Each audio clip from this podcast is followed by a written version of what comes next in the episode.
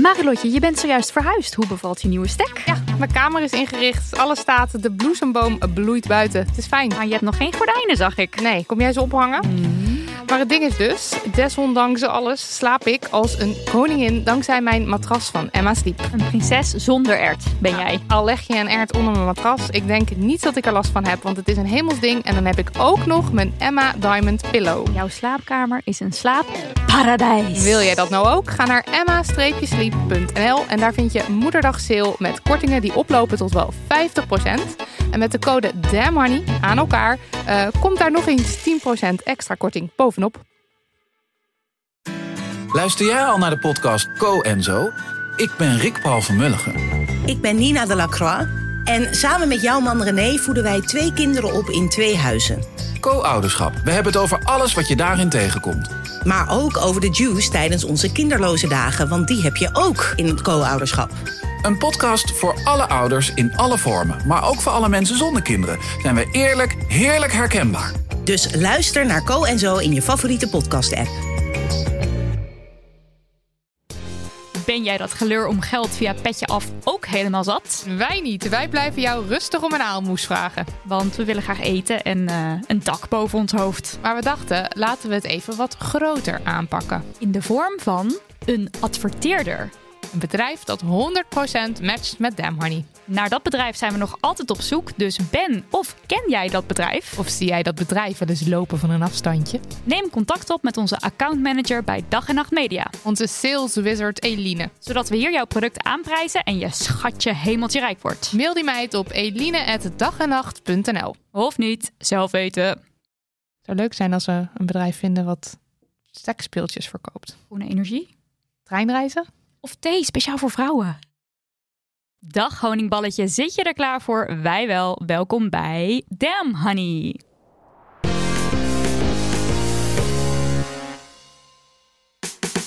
De podcast over shit waar je als vrouw van deze tijd mee moet dealen. Mijn naam is Nidia. En ik ben Marilotte. En welkom bij aflevering 36. Uh, ik zal even mijn uh, pornofilm wegklikken. Uh, ik heb dat trouwens wel eens gehad, hè? Dat ik op mijn werk mijn laptop openklapte en dat er nog porno aan stond. Zo, hoep, Mag ik daar meteen iets over vragen? Ja, doe maar. Dit is Linda Duits. Hallo mensen. ik, ben, um, ik lees nu um, De Slaapkamerfilosofen van de Marquise de Sade. dat, is, dat is een onwijs pornografisch boek. Het is echt echt porno met filosofie er doorheen. En ik heb een oude uitgave met hele mooie billen op de voorkant. Maar ik lees dus in de trein. Dus ik zit dus de hele tijd porno te lezen in de trein. En ik weet wel, kijk, het is onfatsoenlijk om in de trein porno te kijken. Maar mag je nou porno lezen in de trein? Ik zeg ja. Ik zeg ook ja. en ik heb ook zoveel met de, in de 50 tinten grijs periode ook zoveel mensen in de trein die boeken zien lezen. Ik vind van wel. Je, hebt het, je, hebt, je merkt het ook niet als je ernaast zit, toch? Nou, ik krijg wel. En zei je de hele tijd heel... op je lippen bij. ik krijg wel rode oortjes. maar dat, dat is niet erg, toch? Het is meer als je het echt zo op je scherm hebt en dan, kan, en dan zie je het mee. Dat is denk ik eerder in your face. Ja. Maar oké, ja. Um, Hallo, luisteraar. uh, we hebben twee gasten aan tafel. En de eerste die ik aan jullie uh, mag voorstellen um, is een erotische filmmaker en de oprichter van Blue Artichoke Films. En deze studio heeft als slogan Erotic Film for People Who Like Film. En met haar laatste film Adorn won ze eind vorig jaar de Sex en Media Prijs. En dat is een prijs die elk jaar wordt uitgereikt door de Nederlandse Wetenschappelijke Vereniging voor Seksuologie om gedegen mediaberichtgeving over seksualiteit te stimuleren. En dat was best bijzonder, geloof ik, omdat het voor het eerst was dat een erotische film deze prijs in ontvangst mocht nemen.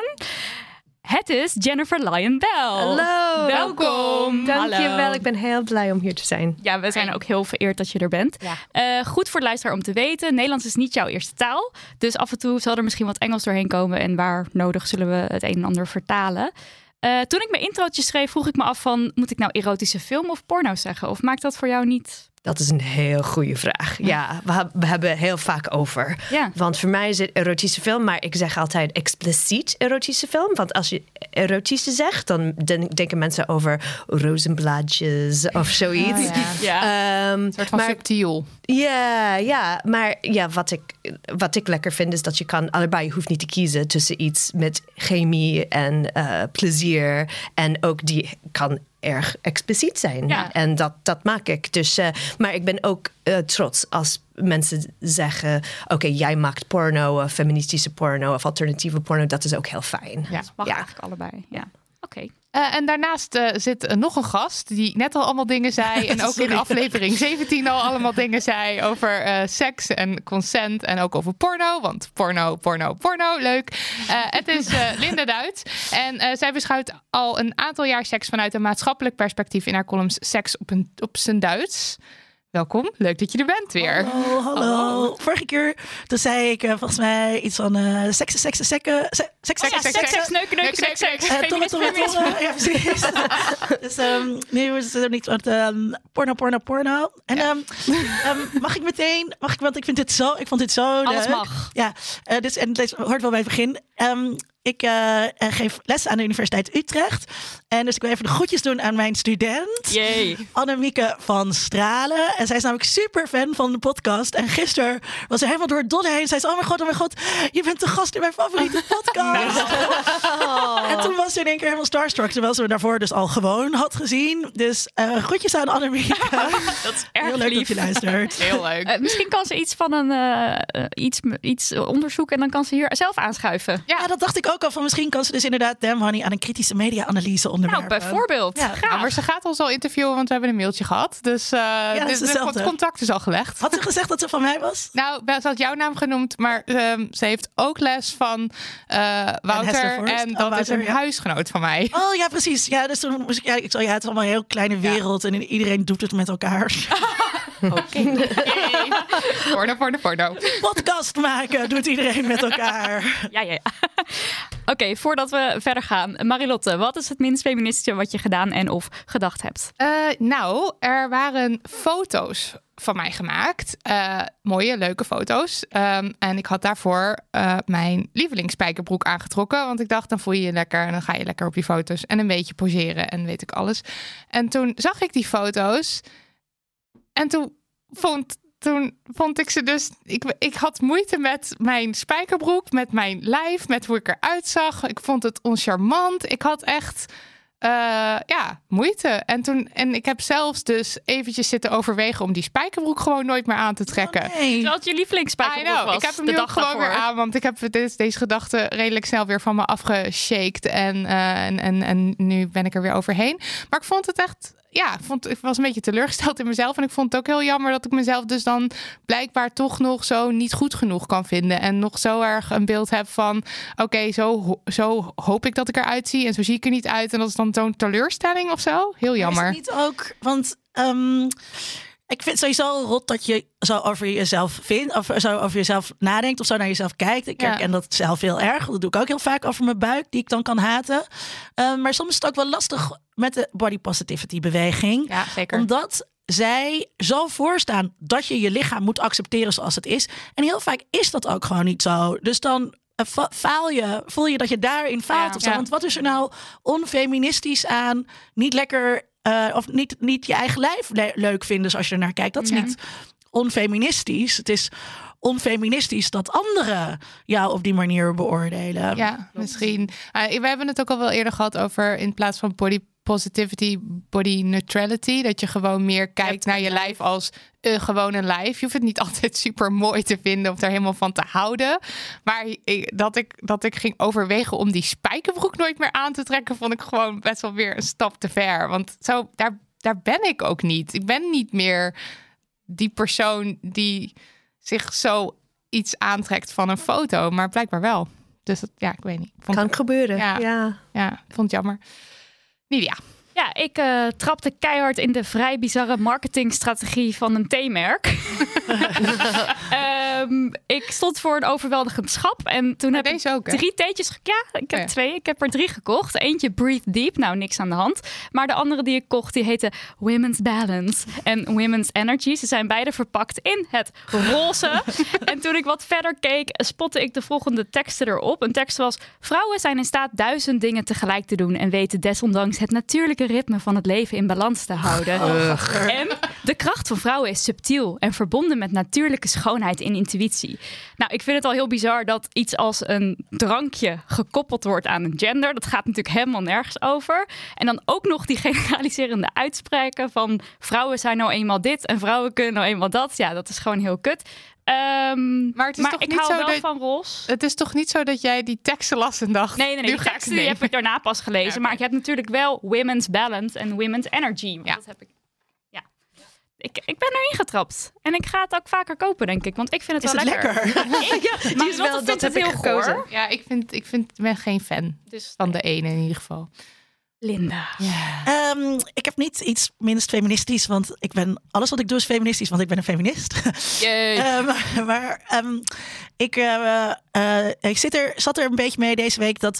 ehm, en ook weer niet hoor. Dus jullie moeten ook maar zeggen wat jullie vinden. Ehm, ik kwam op kantoor en een kantoorgenoot zat te praten met iemand waarmee hij vaak samenwerkt. En die zat de hele tijd racistische grappen te maken. En ik zat gewoon achter mijn bureau te werken, maar ja, dat hoor je dan toch. En ik elke keer raakte het mij, maar ik zei er niks van, want het is iemand, ja, ik vond het niet mijn plek om iets te zeggen.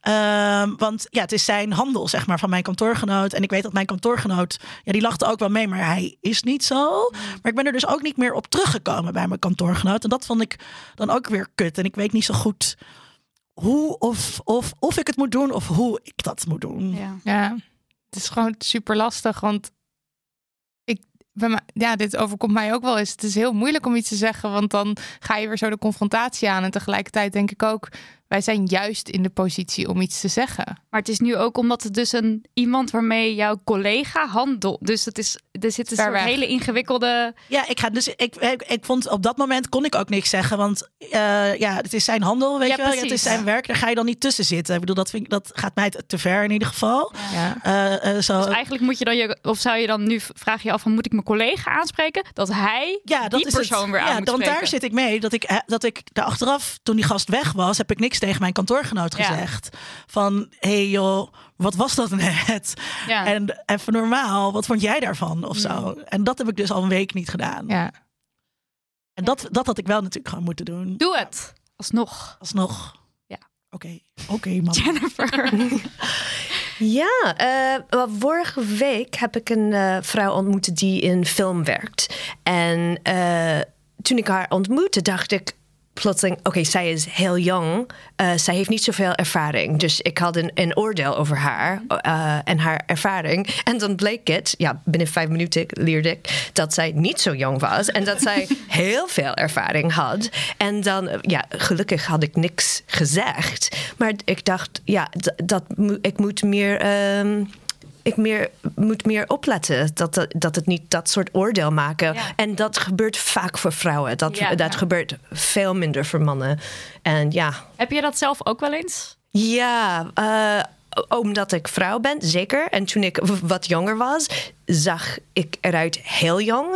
En dat was echt een probleem, professioneel. Ja. Ja. in mijn professionele werk. Dat mensen denken, zij kan niet zoveel ervaring hebben. En, dat, en vaak had ik meer ervaring dan de andere, de andere collega's. Ik heb het ook nog steeds. En ik ben 43. En eh, dan denk ik, wanneer krijg ik nou... Wanneer, Wanneer krijg ik nou eens een keer- wanneer, wanneer word ik nou eens een keer mevrouw? Weet je wel? En Dat mensen die nog steeds een soort wegzet als een meisje... eh, zeker in zakelijke context. Of zeggen, ja, maar je weet nog niet zoveel... of je bent nog niet zo oud. Dat ik dat, pardon, weet je wel. Eh, ja. ja. Maar Ja. tegelijkertijd is ook... Ik, ik laag liever daarover dan andersom. Dat denk ik. Wat? Ja? Nou, dat mensen, dat mensen me wegzetten als meisje, liever dat dan dat ze me wegzetten als oude vrouw. Want oude vrouw, wat weet jij nou? Want, en waarom? Omdat je dan Dat minder meetelt. gewaardeerd, of dat ja. jongheid natuurlijk gewaardeerd wordt. Ja. Ja, ja. Dus ergens vind je het ook Fijn. fijn. ja. Ja, dat Ja. is iets waar jij ook mee Ik zit. herken toch? dat We wel, want ik word ook altijd jonger ingeschat dan, eh, dan ik ben. En dat, ja, ik vind het niet zo erg. Ik vind dat wel Maar het is de combinatie met dus je zal weinig ervaring of Ja. dus je, je stelt nog niet zoveel voor in dit vakgebied. Ja. Dat maakt het natuurlijk ook kwalijk. heel vervelend, ja. Oké, Tijd voor post. Nidia, meid, ik ga voorlezen. lees voor. Eh, lieve Nidia en Marilotte, ik ben een vrolijke, levenslustige vrouw met heel veel vriendinnen en vrienden. Ik krijg energie van andere mensen en ben daarom graag in het weekend op een feestje of festival te vinden. Echter, ik ben nu 32 jaar en al mijn vriendinnen druppelen langzaam af.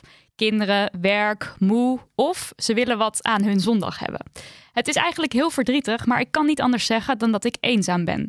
Ik kan soms hele weken lang geen vriendin vinden om mee de hort op te gaan. Ja, samen lunchen of, als we het heel bond maken, borrelen met een groepje dat al om half twaalf op tijd naar huis gaat. Ik ben al actief aan het zoeken naar nieuwe vrienden. Ik zoek oude vrienden weer op. Ik ben actief betrokken bij de studenten, eh, bij de sportvereniging, sorry, en maak zoveel mogelijk praatjes met mensen. Dan spreek je af, op zijn Hollands, met de agenda erbij, over zes weken een keer een gaatje, en dan wordt er afgezegd omdat diegene te moe is, ziek of omdat er wat anders tussen is gekomen. Dat kan natuurlijk gebeuren, maar dan voel ik echt de grond onder me wegzakken. Ik wil gewoon gezelligheid. Logischerwijs begin ik dus steeds meer aan mijn vriend te trekken, wat ik niet wil, want ik ben nog altijd een autonoom mens en het doet onze relatie niet goed. Deze eenzaamheid is volgens mij een probleem van onze generatie. Maar als je dan op zoek gaat op internet, kom je sites tegen voor eenzame mensen die elkaar opzoeken.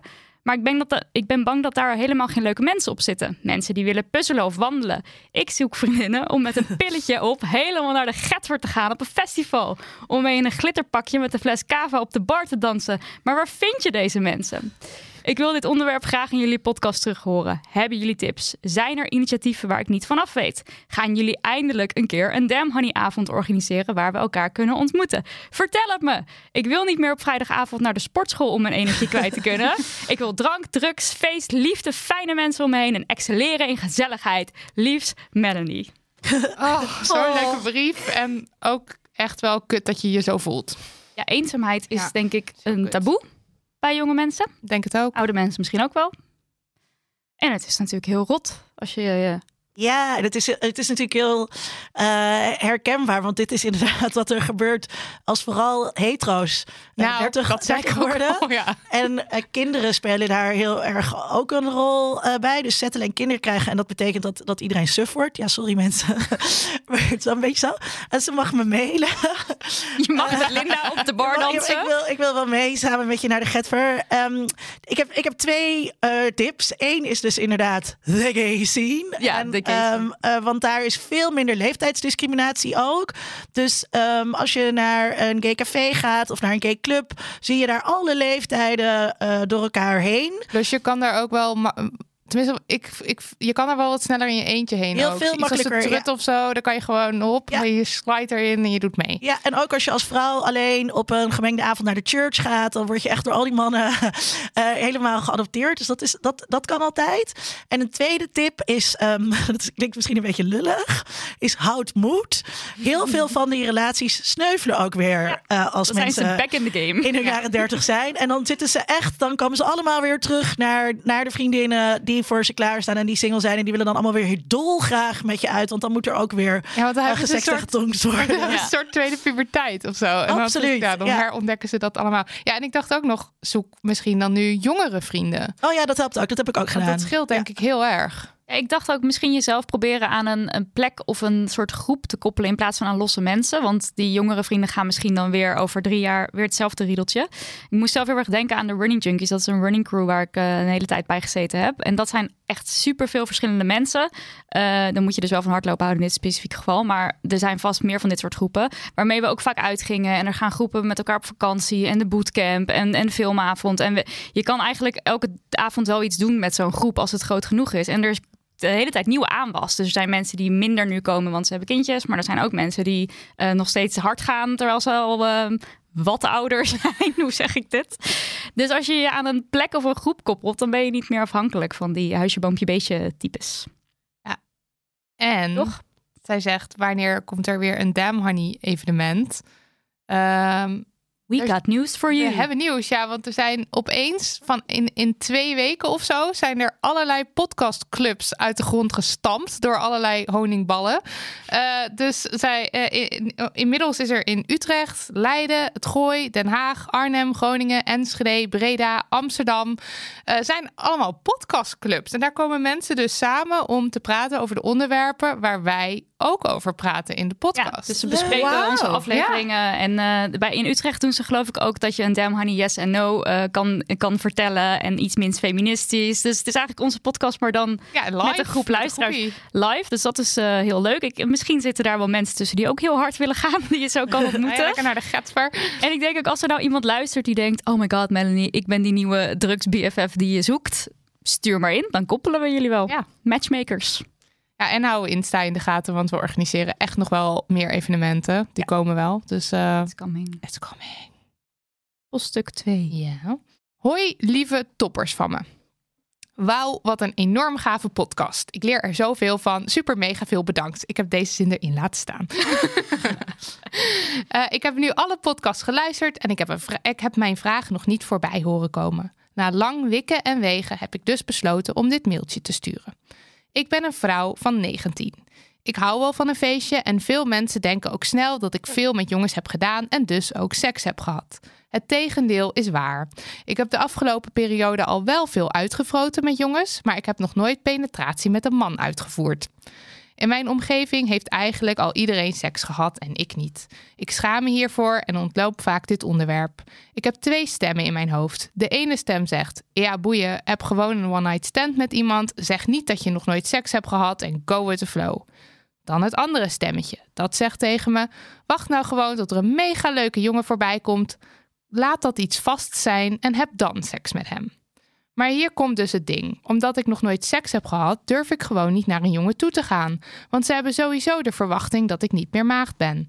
Daarnaast heb ik ook verschillende mensen in mijn omgeving die een mening hebben. De ene groep zegt wat mijn eerste stem zegt, de andere groep zegt wat mijn tweede stem zegt. Wauw, waarschijnlijk heel vaag. Ik hoop dat ik hier echt antwoord op krijg, want jullie krijgen veel binnen. I know, maar ik heb jullie hulp echt nodig. Soms, verontschu- veronders- bleh. Soms verontschuldig ik mezelf ervoor. Ik heb naast deze vraag ook nog een andere vraag. Ik wil me heel graag inzetten voor feminisme, maar ik kan nergens eigenlijk iets vinden waar ik dit kan doen. Hebben jullie nog tips? Want ik zit er zelfs over na te denken om zelf iets op te zetten, aangezien ik het nergens kan vinden. Misschien zijn er wel een heleboel goede initiatieven, maar dat ik het gewoon niet goed genoeg zoek. Heel veel liefs. Nou, de laatste vraag. Podcastclub. Check onze Instagram. Ja. Eh, of richt er zelf een op. Superleuk. Heel even, ik las deze mail en ik dacht echt, nou lijkt wel alsof, alsof ik alsof de Marilotte uit 2006 me zojuist heeft gemaild of zo. Het is echt alsof ik mezelf voorpraat, want precies deze twee keuzes had ik in mijn hoofd ook. Het is een soort van, oké, je zegt gewoon niet dat je maagd bent en je doet het gewoon en dan, en dan ga je voor one night stand en heb je het maar gehad. Of wachten tot je de liefde van je leven tegenkomt en iets vast en het moet echt leuk zijn, want seks is super belangrijk. En juist die tweedeling maakt het heel moeilijk. Want ze zegt ook, ik heb al veel uitgefroten met jongens. Dat is toch ook seks? Wat Ze is heeft al dan lang hier... seks gehad. Ja. Ja, Sorry, maar ja, je hebt het al gehad. Ja. Helaas, het moment is al voorbij. Gefeliciteerd. Ja, en het is, kijk, het, het is ehm, heel. eh, in, in voorlichting, ook in Nederlandse voorlichting, die eigenlijk best wel goed is, als je dat internationaal vergelijkt, wordt heel erg de nadruk gelegd op die eerste keer. En die eerste keer is dan altijd penis in vagina eh, seks. Ja. En dat is, dat is ehm, en dan gaat het in die voorlichting dus heel erg over dat je er ah, ah, klaar voor moet zijn en eraan toe moet zijn. En over gevoelens die daarbij komen kijken en zo.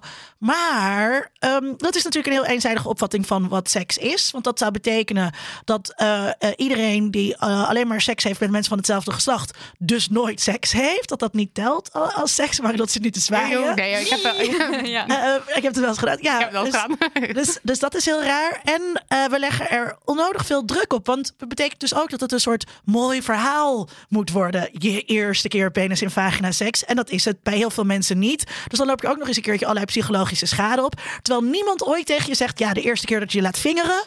dat moet echt prachtig Ja, zijn. Met iemand waarvan je heel veel houdt. Nee, dat zien we allemaal als, eh, als logische stapjes... naar die heilige eerste graal. Maar al die stapjes zijn ook seks. Ja. En wat er ook een beetje uit de brief doorschemert, is de opvatting die ik zelf ook had. Als je de eerste keer maar gehad hebt, dan wordt het een soort van daarna gaat het smooth. Of, Maar of ik automatisch. weet- ik ja. bedoel, mijn eerste keer penetratieseks, ik was 25. Ik was zo blij dat het eindelijk gebeurd was. Ik zat op de fiets terug van die one night stand en ik dacht, nou, it's all smooth sailing from here. Nu hebben we het gehad. Vervolgens had ik twee jaar geen seks. En dan voel je je dus twee jaar later Twee jaar weer geen precies penis in vagina seks ja, precies. En dan voel je je dus twee, ja, ja, twee jaar geen penetratieseks. En dan voel je je dus weer helemaal terug bij af. Want dan denk je, fucking hell, moet ik dan weer? Want ik was die tweede keer, was ik weer, zeg maar, dezelfde zenuwen waren er. Dat je weer bang bent dat, weet ik veel, dat het pijn doet of zo. En dat wil je ook uitspreken. Ook de tweede keer. Ja, maar ook als je al heb je al 500 keer seks met iemand gehad, ook dan zal je nog moeten Ja. communiceren. En ook dan zal je af en toe nog moeten zeggen van, oh, maar nu, je, nu die penetratie, dat is nu niet een, dat wil ik nu niet. Nee. Of, of het voelt niet lekker, of dit doet pijn, of wil je dit harder doen, of zachter, whatever. Dus het idee van, ik heb het een keer gehad en dan hoef ik daarna nooit meer iets te echt- zeggen. Dat moet echt de prullenbak Ja. in. Dat gaat echt Ja. nergens over. Ja, en ehm, wat wilde ik nou nog? Ik wilde iets zeggen. Ik weet het niet meer. Oh ja, nee, ja, je hebt gewoon een leven lang ook nog te leren over jezelf. Ja. Over hoe je lijf werkt. En misschien eh, ontdek je als je, weet ik veel, met een masturbatiesessie bezig bent, ontdek je ineens een plekje wat heel lekker werkt. En dat moet je het ook aan je partner communiceren. Dus je zult toch moeten leren praten Ja. Over seks. Marquise de Sade zegt trouwens dat eh, in, dat, eh, in die slaapkamerfilosofen dat eh, penis in vagina seks echt de meest ongewenste, oninteressantste vorm van alle seks is. dat je dat eigenlijk maar eigenlijk met, met niemand zou moeten doen. En in die tijd kon je er natuurlijk ook nog van, van zwanger worden. Dus ehm, eh, ja, dus je kunt ook bedenken.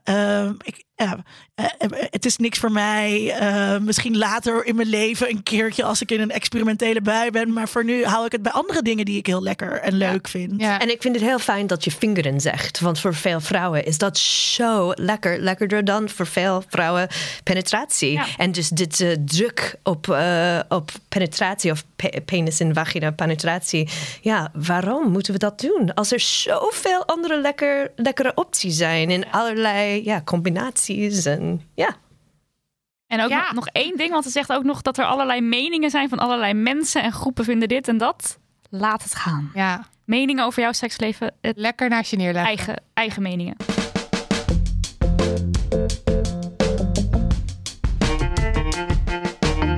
We moeten het even hebben over porno. We vroegen in onze Instagram story of jullie porno kijken en 76% zei ja en 24% zei nee. We ontvingen liefdesbetuigingen voor allerlei soorten porno. Jullie kijken graag naar gay mannen of juist lesbische vrouwen. De films van Erika Lust of zogenaamde porna. We kregen berichtjes van mensen die aangeven dat ze zich schamen voor het kijken van porno of een schuldgevoel hebben achteraf.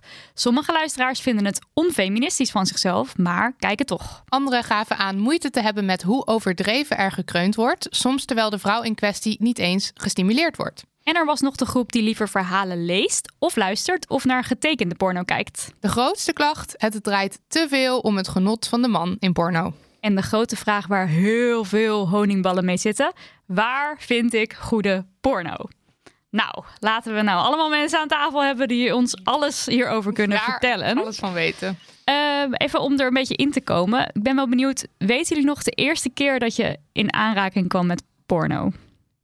Ja, Vertel, ja, ik heb, eh, ik heb een eh, videotape van mijn ouders eh, gestolen om te kijken toen ze eh, op het restaurant waren of zoiets. En eh, En hoe wist je dan dat op die tape...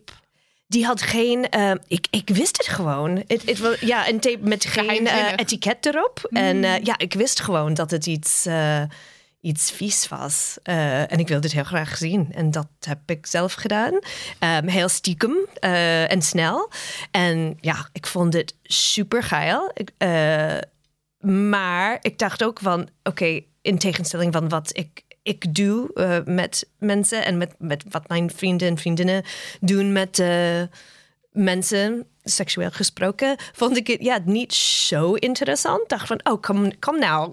Als je, beter. Als je, als je zoveel tijd en energie en je bent volwassen en je mag kiezen wat je doet en waar je doet het. En dat, ja, het was, eh, ik dacht, oké, dus Oh, je vond het dus niet interessant genoeg, eigenlijk. Ja, een beetje niet. En misschien, Dat is ja, ik ben een beetje gewend aan, ja, wij voelden ons, onszelf heel vrij eh, in dat manier. Eh, de, de vrienden en vriendinnen die ik had toen, in de wij waren the- theatergeeks, eh, zoals op Glee of oud was zoiets. je dan Ja. toen? Hoe oud? Ja. Ehm, 15, 14, 15 of zoiets.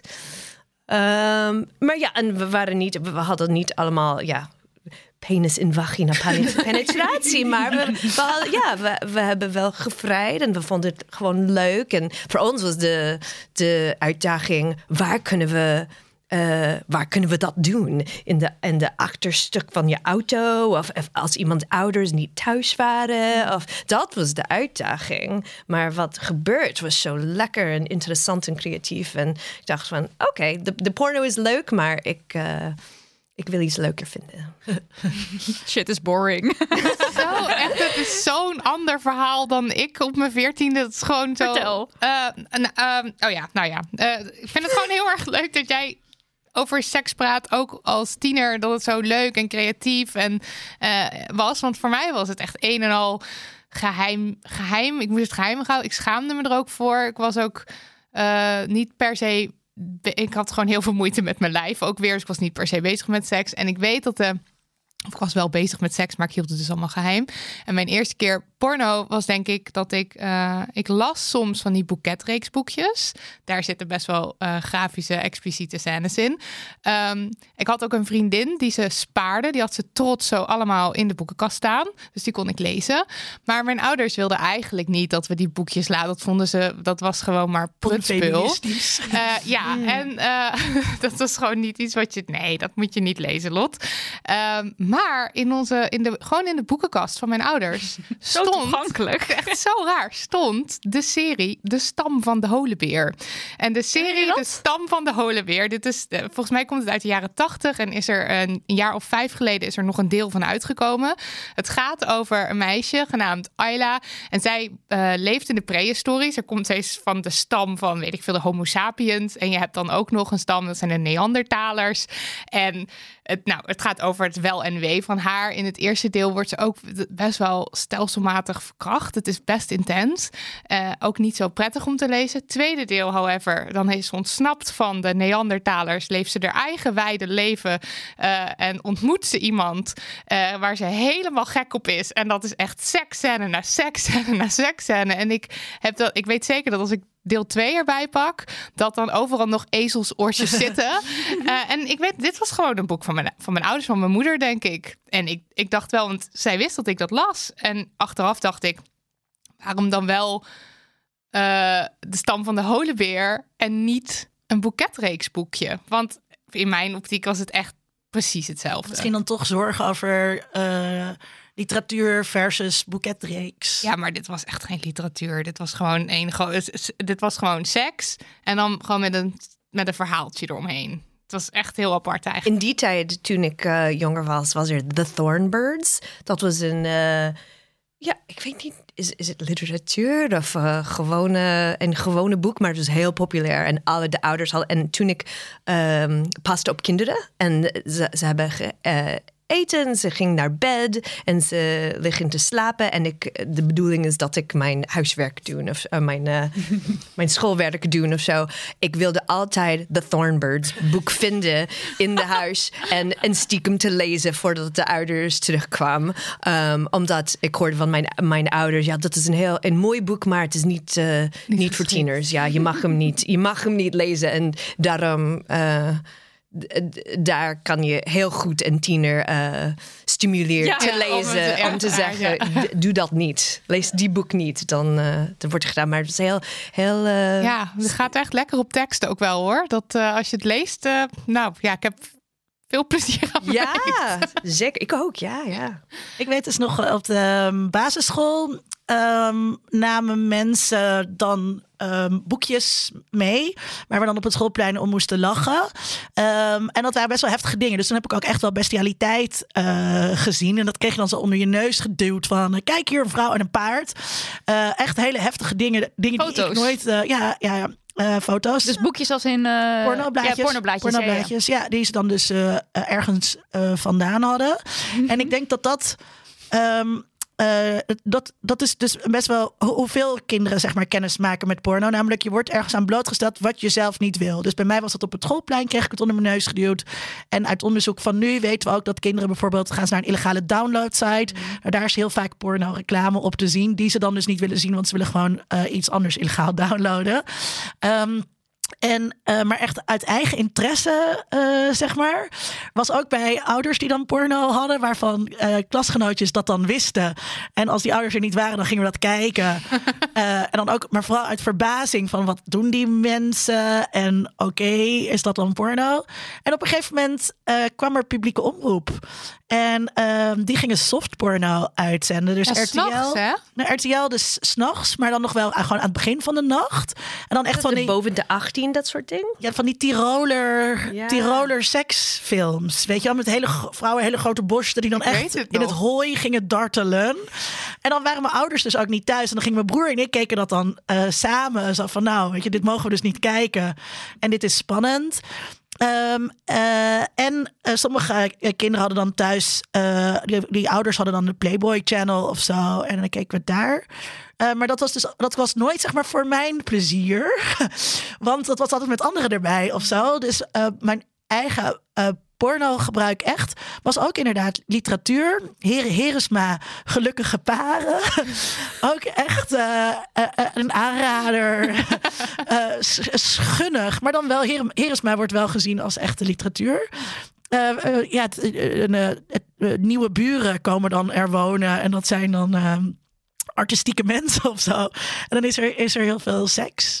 Ja, en toen ik op kamers ging wonen, had je, eh, waren de pornokanalen eh versleuteld. Dus die waren dan gescram, ges, hoe heet dat? Scrambled? Scrambled. Maar dan kon je wel wat zien. En je kon daar heel erg veel bij fantaseren. Dus je zag een soort blokjes. Ze deden dan deels het beeld inderdaad. Gewoon eh, scramblen. Dus, dus Nee, weet je, joh. dat je, de, dat je Oh, maar Ik dan pixels. door je spleetjes van je ogen keek, dat je dan wel soort van kan je zien weet wat er gewoon gebeurt. hier ergens zie- is er dus blijkbaar een piemel die iets aan het doen is. En hier is iets anders aan, wat aan het doen is. En dus daar fantaseer je dan zelf van alles bij. En ik denk er nog wel eens aan terug dat dat misschien zelfs wel beter is dan porno. al, ja. Want wat ook jullie luisteraars zeg maar ingaf van dan wordt er eh, eh, op een... Soms kijk je wel eens porno en dan wordt er verkeerd gekreund. Of ehm, eh, je vindt iemand net niet zo knap of zo. En dat Ja. kan dan een beetje porno-ervaring eh, eh, bederven. Dan met die scrambled porno. Ja, dat zag je dan allemaal net onduidelijk genoeg. De tussen literatuur en film. Ja. Ja. Omdat het, ja, wat Precies, ja. minder precies is dan film. Ja, ja, ja, ja. Er is een soort de heel oude porno, die heet Stagfilms. Ik heb een ja, presentatie in New York gemaakt over Stagfilms. En de heel oude, die op heel oude film zit. Ze zijn... ehm, de film zelf, de nitrate, eh, becomes crumbled. En dan als je de film naar de film kijkt, dan zie je niet alles. Want de film zelf is... Korrelig. ja, ja, En dat vond ik zo interessant. Ik wil, eerlijk gezegd, wil ik een film over, daarover maken. Met hetzelfde effect. Want precies voor hetzelfde reden. Als je niet alles kan zien, dan eh, met, je, met je imagination kan je meer maken. Ja. Ja, en ik vind het dus heel grappig dat ehm, het is heel fijn om een externe fantasie zeg maar te hebben. Of dat iemand je fantasie aanreikt of beelden aanreikt. Dat je niet op eigen kracht eh, alles hoeft te fantaseren als je gaat masturberen. Maar eh, ja, eh, het moet maar net passen bij wat je wil. En dan inderdaad die in-between Ja. teksten. werken Daarom heel kijk goed ik voor. vaak naar ehm, of ik lees eh, eh, hentai manga. Dat is de Japanse ja, teken, tekenstrips. Het is ook een hele categorie op Pornhub, zag ik.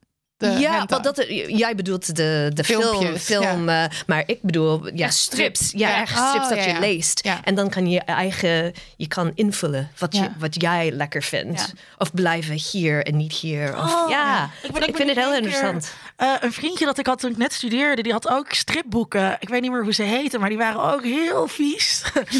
en dat was ook heel geil. En als hij er dan niet was, dan ging ik dat ook altijd lezen. Dat nou. Ja, helemaal interessante dingen met, eh, met eh, creatures. Ja, monsters met allerlei tentakels. Of ja, dingen. Ja, het is heel, ja, heel veel fantasie. Je moet een beetje voorzichtig zijn, want sommige zijn ja, echt vies. Ja, het is super, super vies. Eh, Dus bladeren met caution. ja, bladeren Ja, met caution. Maar het voordeel ook met de bladeren, dat heb ik nu dus ook weer met, dat, met, de, met de, de, de zaden. Anders dan eh, film. Eh, kijk, een film die loopt gewoon, zeg maar. En je gaat meteen door naar de volgende scène. Terwijl als je een boek leest, of ook een stripboek, dan kan je heel makkelijk weer even terugbladeren. Van, oh ja, ik was nog niet zo ver. Dus ik ga weer even een paar bladzijden terug. Dan heb je het al wel gelezen, maar het is nog steeds even stimulerend. Of nog weer juist stimulerender. Ja. Terwijl een film is dan alweer verder. Snap je wat ik bedoel? Dat je met die Nee. linearity, ehm, ja, de, de film gaat gewoon je, je zet een film minder makkelijk een stukje terug. Oh, echt waar? Ik dan, niet. Dan dat je Nee, ik doe dat ook wel. Oh, ik doe het heel vaak. Ja. een, een paar bladzijden terug. Dat is heel makkelijk. Maar Ja, zo het terugklikken hangt een beetje af hoe je, hoe je kijkt. Of in welke manier je kijkt op een, op een computer. Of met een ja, dvd-speler of wat dan ook. Maar eh, er was een vrouw die een boek eh, schreef over ja, digitale porno en zo. En zei dat mensen spenden meer tijd eh, terug te spoelen Oh. dan kijken. Want mensen vinden vaak hun eh, ja, favoriete plek in de film. En dan willen ze, Dat kijken ze op, dan ja, heel vaak naar hetzelfde plekje kijken. Maar dat doe, dat doe ik. ik. Ik weet wat je bedoelt. En ik wil, als ik een nieuwe film eh, vind, ik wil het eh, voor de eerste keer door, eh, doorkijken. Ja, het liefste. Maar daarna, ja, wie weet. Ja. Maar dan kijk je hem helemaal door. Ehm, maar als een soort eh, research. Als een soort. het, is, het is een beetje moeilijk, want ik ben filmmaker, maar ik ben ook, eh, hoe zeg je, curator. Want ik, ik, eh, ik ken zoveel filmmakers die erotische films en pornofilms maken die heel interessant zijn. Dus als, het is een beetje moeilijk nu om gewoon naar porno te kijken om opgewonden te worden. Ja. Want nu doe ik onderzoek of echt ik je kijk- werk. ja, het is mijn werk. En oh, ja, oh, dat is een goede film voor dit evenement. En ik moet, ja, ik moet hem bellen. Blablabla. Eh, ja, en dat is een beetje in de weg van, eh, ja, Je op, plezier. ja, van mijn plezier soms. Maar af en toe, heel af en toe vind ik dat, eh, dat er iets super is. Dat, Hoe is het je werk geworden? Ehm, ik had een carrière eerst in de recla- reclame. En ik eh, onderzoek. Ik, ik was een soort eh, reclameonderzoeker. En ik kwam eh, vaak te- tegen mensen. Ik moest interviewen en zo. En ik vond het heel fijn om ja, mensen te spreken over. Soms wordt het heel persoonlijk. Over persoonlijke dingen. Over familie of liefde of wat dan ook. Het klinkt een beetje vreemd dat dat gebeurt in de reclame. Maar dat was mijn, mijn baan. En ehm, altijd dacht ik van ja ja, ik hou zoveel van porno. Ik wil een betere porno maken. Of een porno niet dat beter is per se, maar beter voor mij. Dat mijn allerliefste soort porno. En ik twijfelde, ja, ja, ik heb deze carrière in de reclame, maar ik kan het niet ja, weggooien. En ook ja, omdat ik. eh, ben afgestudeerd bij Harvard. Harvard mensen ja, verdenken niet van... oh ja, ik ga, ja, ik ga porno maken. dat is geen ding. Ehm, maar ja, uiteindelijk eh, besloot ik met mijn partner om naar eh, Amsterdam te verhuizen. En dacht van, oké, misschien is dit het moment om meer over porno te leren en dan porno maken. En dus ik heb ingeschreven bij de eh, Universiteit van Amsterdam in de film- en televisiewetenschap. En ik heb eerlijk gezegd, ik wil over porno leren, filmtheorie, porno, want daarna ga ik pornofilms maken. En konden ze daar wel wat mee dan? Op de universiteit? Eh, ze- Oh, oké. Oh, oh, oh, in de eerste, op het eerste, in de eerste instantie vonden ze dat helemaal niet leuk. Want ze wilden de, de universiteit eh, apart van seksdingen eh, houden. Maar ze kunnen wel zien dat ik, ik heb zoveel passie over deze onderwerp. En ik ben zo'n goede student eh, dat ik zou heel, ja... ehm, heel diep in de onderwerp en heel theoretisch eh, eh, schrijven over Ja. dit onderwerp. En dat niemand had dat t- tot, tot die moment, niemand, niemand had dat gedaan. Terwijl er van alles beweerd wordt aan de lopende band over porno. Ja. Dus er is juist wetenschappelijk onderzoek ook nodig, want iedereen roept maar dingen. Ja. Maar hoe lang geleden is dit ongeveer? Dat was in 2001, Oh ja. dus jaren geleden nu. Want dan kijk even naar Linda. Er is wel denk ik iets van verandering qua onderzoek Eh, gekomen, maar er is nog steeds weinig, er toch? nog, er is nog steeds heel weinig. Kijk, en er was eh, toen eh, was er ook al een, ook al een beetje. ehm, ja, wat je net zei, dus er, er wordt van alles beweerd.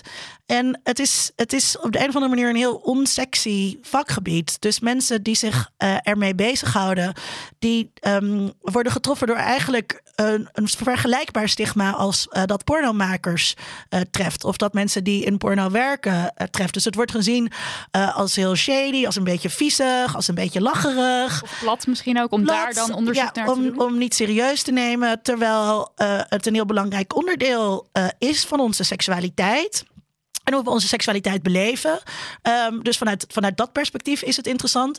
En eh, het, het neemt natuurlijk een heel groot deel van ons medialandschap in Ja. beslag. Dus het is vanuit media- en communicatiewetenschappelijk perspectief onwijs interessant. En iedereen doet allerlei uitspraken over de inhoud van porno en over de effecten van porno. En dat wil je dus gewoon onderzoeken. Ehm, dat onderzoek wordt dus ook wel gedaan. Maar ik weet dus ook wel van collega's aan de UvA... die eigenlijk niet met media wilden praten over het onderzoek dat ze deden... omdat ze niet bekend willen staan als de porno-professor. Hmm. Terwijl ehm, ja, ze dus gewoon wel dat onderzoek deden. En eh, dat maakt het heel jammer, want je moet dus juist met de media hierover praten... omdat iedereen maar van alles beweert. Ja, want kan, kan je een paar dingen noemen die altijd maar beweerd worden die gewoon bullshit zijn? Eh, nou, een van de belangrijkste vind ik dat. Eh, dus, dat is een mythe, dus. Dat is niet waar, niet waar, ding, ding, ding, niet waar. De niet waar bel moet nu heel hard ja, af. eh, mainstream porno is gewelddadig. Of porno is gewelddadig. Dat klopt gewoon niet. Ja, er is eh, gewelddadige porno. Ook met geweld tegen vrouwen, heel duidelijk. Ehm, maar eh, het is sowieso lastig om te zeggen wat mainstream porno is. Hè? Dat is al, daar kan je al boeken over volschrijven. Hoe lastig dat is om dat te, definiëren. Maar dus recent onderzoek van Marleen Klaassen aan de Universiteit van Amsterdam. Die heeft gekeken naar de populairste video's op de grootste pornoplatforms. Dus Pornhub, YouPorn, Xhamster. En welke mis ik nou? Nou nog een vierde. Eh, nou, dat is een, een aardige operationalisatie, vind ik, van wat dan de mainstream zou kunnen zijn. Hè, wat daar het meest bekeken wordt. Eh, en die video's zijn eigenlijk helemaal niet gewelddadig. Tenzij je spanking, hè, dus iemand op de billen slaan, meetelt. Nou ja, dat is, dat is natuurlijk niet wat we als gewelddadig zien. Dus dat is een heel eh, belangrijke eh, mythe die voortdurend door allerlei mensen herhaald wordt. En ehm, een tweede eh, mythe is dat ehm, eh, jongeren dit als echt aannemen. Ja. En ook daar zit je weer met een definitiekwestie. En wat is dan echt? Wat is dan echte seks? Nou, je hebt het net al ook al over gehad. Hè? Moet er, eh, eh, wat mensen dan denken, eh, er moet een penis in een vagina gaan voordat het telt als seks. Maar wat is, waarom zou pornoseks niet echt zijn als mensen daarin echt penissen in vagina's laten gaan? Maar dan gaat het over dat je je verwachtingen bijvoorbeeld bij moet stellen. Of dat jongeren dit als seksuele voorlichting zouden aannemen. Ehm, dat, dat ze dus denken dat het in, het in hun toekomstige leven er ook zo aan toe zal gaan. Eh, ik heb daar wel eens over gezegd. Ehm, ja, weet je als, je, als je zelf gaat voetballen, dan ga je ook niet in één keer zo schitteren als iemand bij Ajax eh, kan.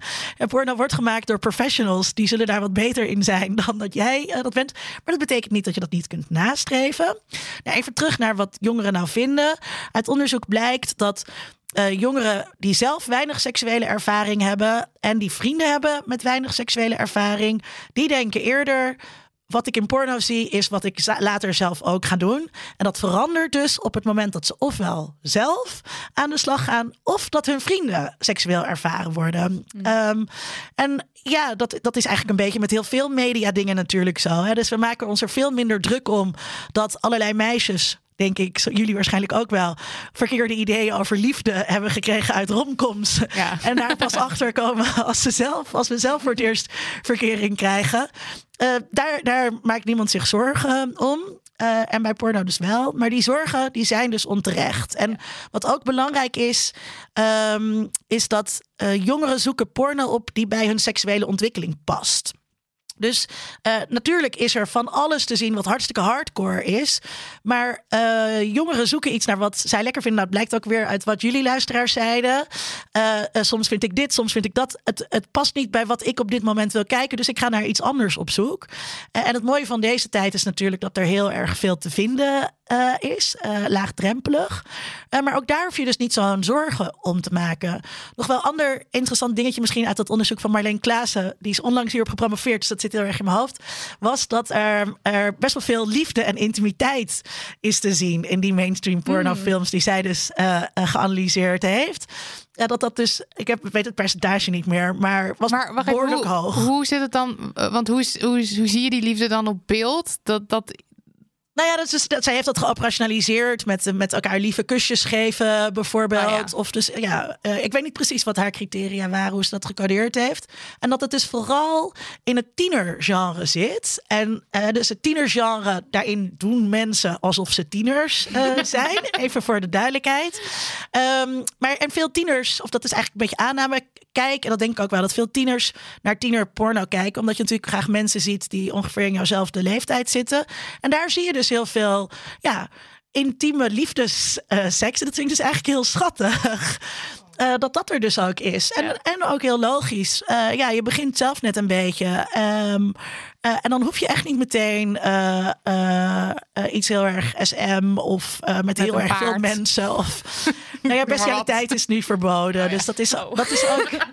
Dat is natuurlijk wel te vinden op internet, maar zo makkelijk is dat nou ook weer niet, Marilot. Ja. Oké, nou Ja. dan weten we dat voor mijn research straks. Nou, dan is er natuurlijk ook nog het statement: eh, porno is vrouwonvriendelijk. Of dus de, de gevoelens die luisteraars hebben van ik voel me onfeministisch. Al is dat een beetje een vage term natuurlijk. Maar ik heb het idee dat ik naar iets kijk waarbij vrouwen verkeerd worden eh, afgebeeld. Of eh, ik weet niet of de vrouwen het naar hun zin hebben. Porno is vrouwonvriendelijk. Die, die claim. Hoe, hoe denken jullie daarover? Ja, en hoe zit vooral ook hoe zit het met eh, de beelden die je gratis op internet vindt? Want ik denk dat het daar vooral mee samenhangt. Dat je het gewoon echt niet weet. Want als je betaalt voor een film, dan weet je het waarschijnlijk wel zeker. Nou, ja, bij, was- ja. bij veel van de platforms die eh, feministisch zijn of eh, ethisch zijn, dan, dan weet je wel dat het ethisch gemaakt is. Maar ik denk dat, ja, voor vrouwen, soms denken we dat, ehm, ja, we zijn, eh, wij, scha wij schamen zich nog dat, dat we kijken naar Ja. de porno. En het, en, in ene manier maakt het niet uit wat precies gebeurt in de film. Wij schamen zich. En dat hoeft niet hoor. Ja, het, kan heel vies zijn en dat is oké. het is oké om seks eh, ja, geil en, en fijn te vinden en porno fijn te vinden. En er zijn er zoveel meningen in, in de in de ma- maatschappij dat, dat dat mag niet. Je moet liefde vinden en dat eh, vrouwen houden van liefde en niet seks. Eh, dus ja, je moet dat een beetje loslaten, denk ik. En ik ben, ja, ik ben echt ja, een porno-expert, te zeggen, zeg maar. Ehm, maar ik, ik voel me soms een beetje schaam als ik iets heel vies eh, naar kijken. Dus zelfs als iemand die heel erg veel met dit onderwerp, de he- je hele werk is dit, zelfs jij ervaart nog schaamte hierover. Ja, Ja. eigenlijk. Maar dat is, ja, het is niet, het is niet echt. Het komt niet van echt van mij. Het komt van de maatschappij. Ja. Jij staat Eh, ook niet buiten die maatschappij. nee. Jij bent ook opgegroeid in deze maatschappij. Eh, ja, ja, absoluut. En eh, ja, wat ik vind het belangrijk te zeggen dat het is wel belangrijk voor mij hoe, hoe de film gemaakt wordt, hoe ja, waren voor de performers. eh, hebben, waren ze betaald voor in een eerlijke manier? Kunnen ze wel stoppen als ze het niet leuk vinden en zo? Maar wat gebeurt echt in de film? Ik kan niet per se oordelen of Nee. beoordelen. Want dat is denk ik een groot misverstand. Dat als jij naar porno kijkt waarin de vrouw, ehm, nou ja, weet ik het, heel hardhandig wordt aangepakt. Of eh, non, non eh, hoe noem je dat ook alweer? Dat, je, dat er non-consent. Ja, precies. Dus dat, dat er bijvoorbeeld een verkrachtingsscène is. Zodra de film gewoon eh, goed geproduceerd is. En de, en de acteurs, die krijgen inderdaad goed betaald. En nou ja, de werks, werkomstandigheden die jullie bieden bij Blue Otter Shock. Dan maakt het natuurlijk helemaal niet uit waar je... Naar, dan maakt het niet onfeministisch dat er dan zoiets gebeurt Ja, op en ik ken veel vrouwen die heel feministisch zijn. Met feministisch podcasts en zo. Eh, niet jullie, maar andere, houden. andere vrouwen. En de, de porno dat ze het lekkerste vindt is... ehm, ja, je zou... eh, you'd be surprised. Ja. Hoe, hoe- eh, ja, het Dus kan heel heftig worden. of, en eh, ik vind dat heel fijn. Ja. Iedereen is... Het is heel persoonlijk wat je lekker vindt. En in... In een, in een manier kan je niks erover doen. Wat, wat je lekker vindt. Je kan wel beslissen wat je kijkt. Wat voor films je, je huurt. Of eh, wat dan ook. En, en wat je doet met in, in je eigen seksleven. Maar je verlangen. Ehm, kan je niks erover doen. Dat is een deel van jou. Maar het dat, en dat is ook een, ja, het is, het is een belangrijk deel van jou. Ja, het is heel belangrijk om die twee dingen uit elkaar te trekken. En vroeger is dat in feministische kringen nogal op één hoop gegooid. Hè? Dus in de tweede feministische golf was er een hele sterke anti-porno-beweging. Eh, van wat je radicaal feministen noemt. Dat zijn niet de leuke feministen. Ehm, die eh, heel duidelijk eh, zeiden... Ja, Andrea Dworkin is daar een voorbeeld van. En zij zei... ehm, eh, porn is the theory, rape is the practice. dus door porno te kijken leren mannen dat het verkrachten van vrouwen oké is. En die vrouwen waren tegen alle porno. Dus zowel ehm, inhoudelijk als productieomstandigheden. En dit zijn ook het soort feministen dat eigenlijk penis en vagina seks is. Die dat überhaupt al, het idee van penetratie eigenlijk altijd al um, verkrachting vinden. En uh, daardoor dus ook uh, de werkomstandigheden altijd al afkeurden. Dus alle vrouwen eigenlijk al vinden dat geen enkele vrouw ervoor kan kiezen om in de porno-industrie te gaan werken. Net als dat deze feministen ook vinden dat geen enkele vrouw ervoor kan kiezen om sekswerk ja, ja. Te doen. Dus dat is een beetje een erfenis waarmee we ook zitten in het feminisme. Um, ik denk dat het heel belangrijk is om twee dingen uit elkaar te trekken. Aan de ene kant heb je dus wat je ziet. En aan de andere kant heb je die werkomstandigheden. Als het gaat over uh, wat je ziet, dan moet zo zijn: de fantasie is vrij. we ja. fantaseren over van alles en dat moet ook kunnen. En waarover we fantaseren, heeft ook heel duidelijk te maken met wat maatschappelijk eigenlijk niet mag. Dus op het moment dat wij maatschappelijk allemaal heel erg bezig zijn met consent en hoe belangrijk dat is, ja, dan is het niet raar dat heel veel vrouwen zoeken naar uh, verkrachtingsfantasieën uh, in porno. Uh, want dat zijn de dingen die dus niet mogen. En heel veel porno gaat over seks die je niet hebt en eigenlijk misschien ook niet zou willen hebben, maar er toch over fantaseert. En dat is hartstikke leuk en fijn, want dat is wat je fantasie kan doen. Um, dan is het de vraag hoe weet je nou dat die vrouwen, dat het consensual non-consent was? Hoe weet je nou dat die vrouwen met deze productie hebben ingestemd? En dat kan eigenlijk alleen maar als je dus iets weet over de werkomstandigheden. Um, en ja, dan moet je je dus bedenken: porno maken is werk. Dus hoe uh, verzeker je er zelf nou van dat naar waar je zit te kijken, dat dat oké okay gemaakt is? Nou ja, op het moment dat jij iets gratis zit te kijken, Sowieso. dan betaal jij er dus niet ja. voor. Terwijl het wel met geld uh, gemaakt zou moeten zijn. Dus dat is al een aanwijzing die je hebt dat daar, dat daar niet helemaal uh, pluis mee zit. Dus kijk heel goed uh, door welk productiebedrijf is dit gemaakt. Um, en probeer daar iets, iets te weten over te komen. Misschien niet op het moment dat je heel geil bent en het moet even nu. maar doe het, doe het dan daarnaast. En ja, gratis is dus sowieso geen goed idee. En je kunt um, gaan zoeken. Ja, maar misschien wil jij wat meer zeggen over uh, vindlocaties van ethische porno. Ja, ja wel mijn allerfavoriete, uh, well, behalve blueartichokefilms.com, is uh, pinklabel.tv. En dat is een filmplatform die um, een vrouw en een non-binary persoon uh, gemaakt is. En ze hebben allerlei soorten films voor allerlei soort mensen, allerlei soort seks. Um, en sommige zijn bijna niet porno. Ze zijn meer misschien kunst dan porno, maar heel veel porno-porno. Uh, en ze zijn allemaal uh, ethisch gemaakt. En um, een soort goedkeuringslabel. Ja, ja, vind ik. Ja, ja ze, ze zeggen fair trade porno. En dat vind ik uh, een goede manier van verklaren wat, wat is anders. Uh, maar ze hebben zoveel respect voor, uh, voor de performers, maar ook voor de filmmakers. En zij vragen aan ons, ja, ja, hoe wil je het laten zien? Er zijn er niet zoveel ja, termen en zo in. Ja, ja uh, you know, MILF of wat dan ook. Dat, dat wordt niet. Uh, je kan dat inzetten in de, in de verklaring van je film, maar je, dat hoeft niet te doen. Ziet er ook heel erg, ik heb het even opengezet, ziet er een soort clean, een beetje Netflix-achtig uit. Het ja, is niet het is zo... een soort Netflix voor porn. Ja. ja. En dan, ik heb er nu even eentje opengeklikt. En dan heb je bijvoorbeeld, als je hem wilt toevoegen aan je library, dan is hij ongeveer 9 dollar. En als je hem 48 uur wil huren, is hij 6 dollar. En er is ook een pink label abonnementje. En dat is dan 10 euro per maand. Ja. Dat lijkt mij een heel goede, goede optie om... Uh, ja, en dus ik heb mijn eigen films. Ik was een van de eerste filmmakers op de Pink Label hmm. website. Ik ben heel trots op. Dus en elke keer als die betaald wordt, dan als die gekocht wordt, krijg jij dan daar een deel van? Ja, of hoe werkt? Ja, ja.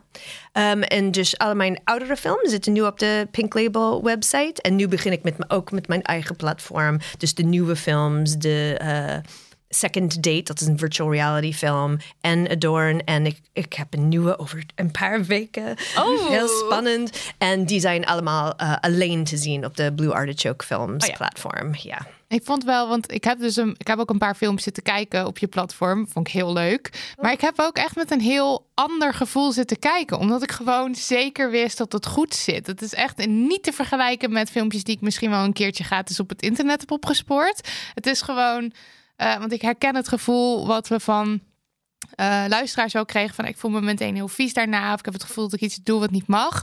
Dat gevoel herken ik best wel, maar ik had dat dus helemaal niet met jouw films. Dat het iets was wat soort van verwerpelijk was en wat zondig en want op de een of andere manier scheelt het heel erg dat je weet dit is allemaal in hele goede omstandigheden uh, gemaakt. Maar dat, is wel interessant, want is eigenlijk dan ik denk eh, dat het daar zat. Ja, dan lopen die twee dingen die ik net zei ook dus door in je schuldgevoel. En, uh, en je voelt je dus al schuldig vanwege wat Jen ook net zei. Omdat we als vrouwen al aangeleerd krijgen dat we ons moeten schamen voor onze seksualiteit. En al helemaal moeten schamen als we geil zijn.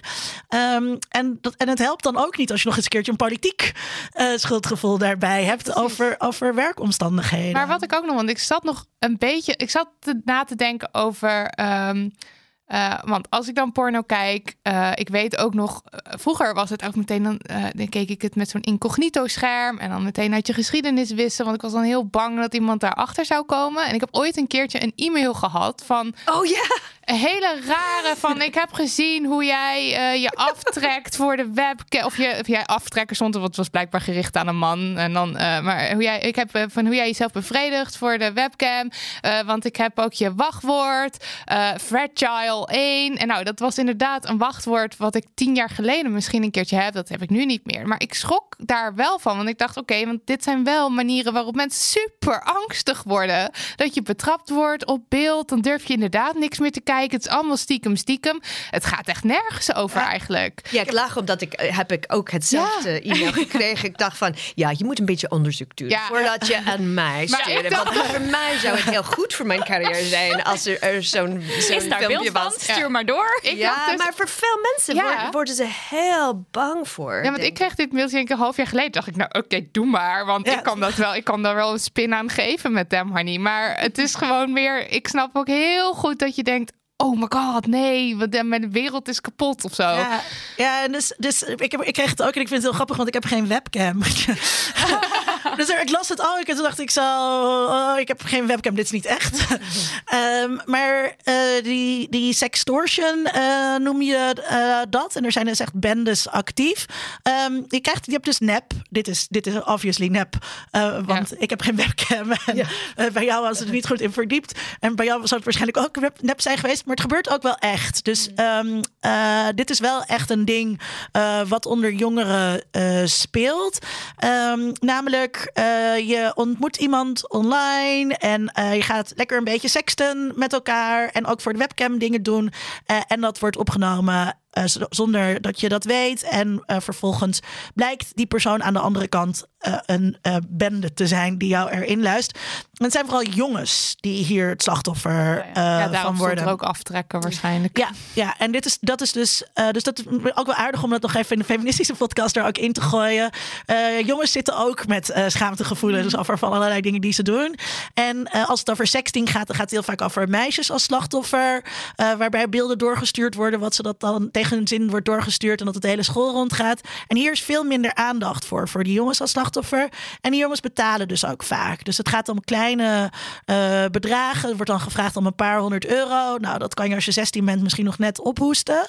Um, dit moet je melden. Mm. Uh, en dan heb ik nu natuurlijk net even niet de naam van die organisatie bij de hand. Um, kan je dat even googlen? Meld sextortion. Um, uh, dus dat wil ik erover zeggen. En een ander ding, oh ja, um, uh, het is natuurlijk heel jammer dat het. Um, meld.nl. Uh, meld.nl. Ah, meld.nl. Um, dat, uh, dat, dat dit dus nog steeds iets is om je voor te schamen. Ja, waar je mee gechanteerd kan worden. Dat vond ik ook zo. Ja. Dat is zo erg, want het is dus hoe, hoe? Nou, ik vind het gewoon eigenlijk heel erg dat we met z'n allen een beetje stiekem gratis porno zitten te kijken. Omdat we er dus niet voor durven uit te komen dat we porno kijken. Terwijl als je ervoor betaalt, is het al een stuk minder gênant eigenlijk. Want het is ook gewoon werk. Laten we in godsnaam dat stigma en, en, en, en, en, en al, die, al die waardeoordelen die we eraan verbinden loslaten. En dat komt dus heel erg eh, we, we, we zitten echt met een, met ja, wat, je, wat we seksnegativiteit eh, noemen. Dus we zitten met een seksnegatieve erfenis. En die komt voor een deel van het christendom, waarin allerlei vormen eh, eh, van, dat is trouwens niet helemaal waar, eh waarin bepaalde dingen, bepaalde seksuele handelingen heel zondig eh, waren. En vervolgens is dat in het Westen overgenomen door wetenschap. Dus medische wetenschap, psychiaters en psychologen die zich gingen buigen over onze seksualiteit, over onze begeertes, over allerlei seksuele variaties. Nou, toen hebben ze dus besloten dat homoseksualiteit een ziekte was. En dat hebben ze in een handboek gezet met allemaal stoornissen. Alsof hè, homoseksualiteit hetzelfde was als eh, schizofrenie of zo. En eh, daar zitten we nu nog steeds mee. Dus het gaat heel erg over. Denk ook bijvoorbeeld aan ehm, eh, wat vaak gezegd wordt: dat iemand porno verslaafd is.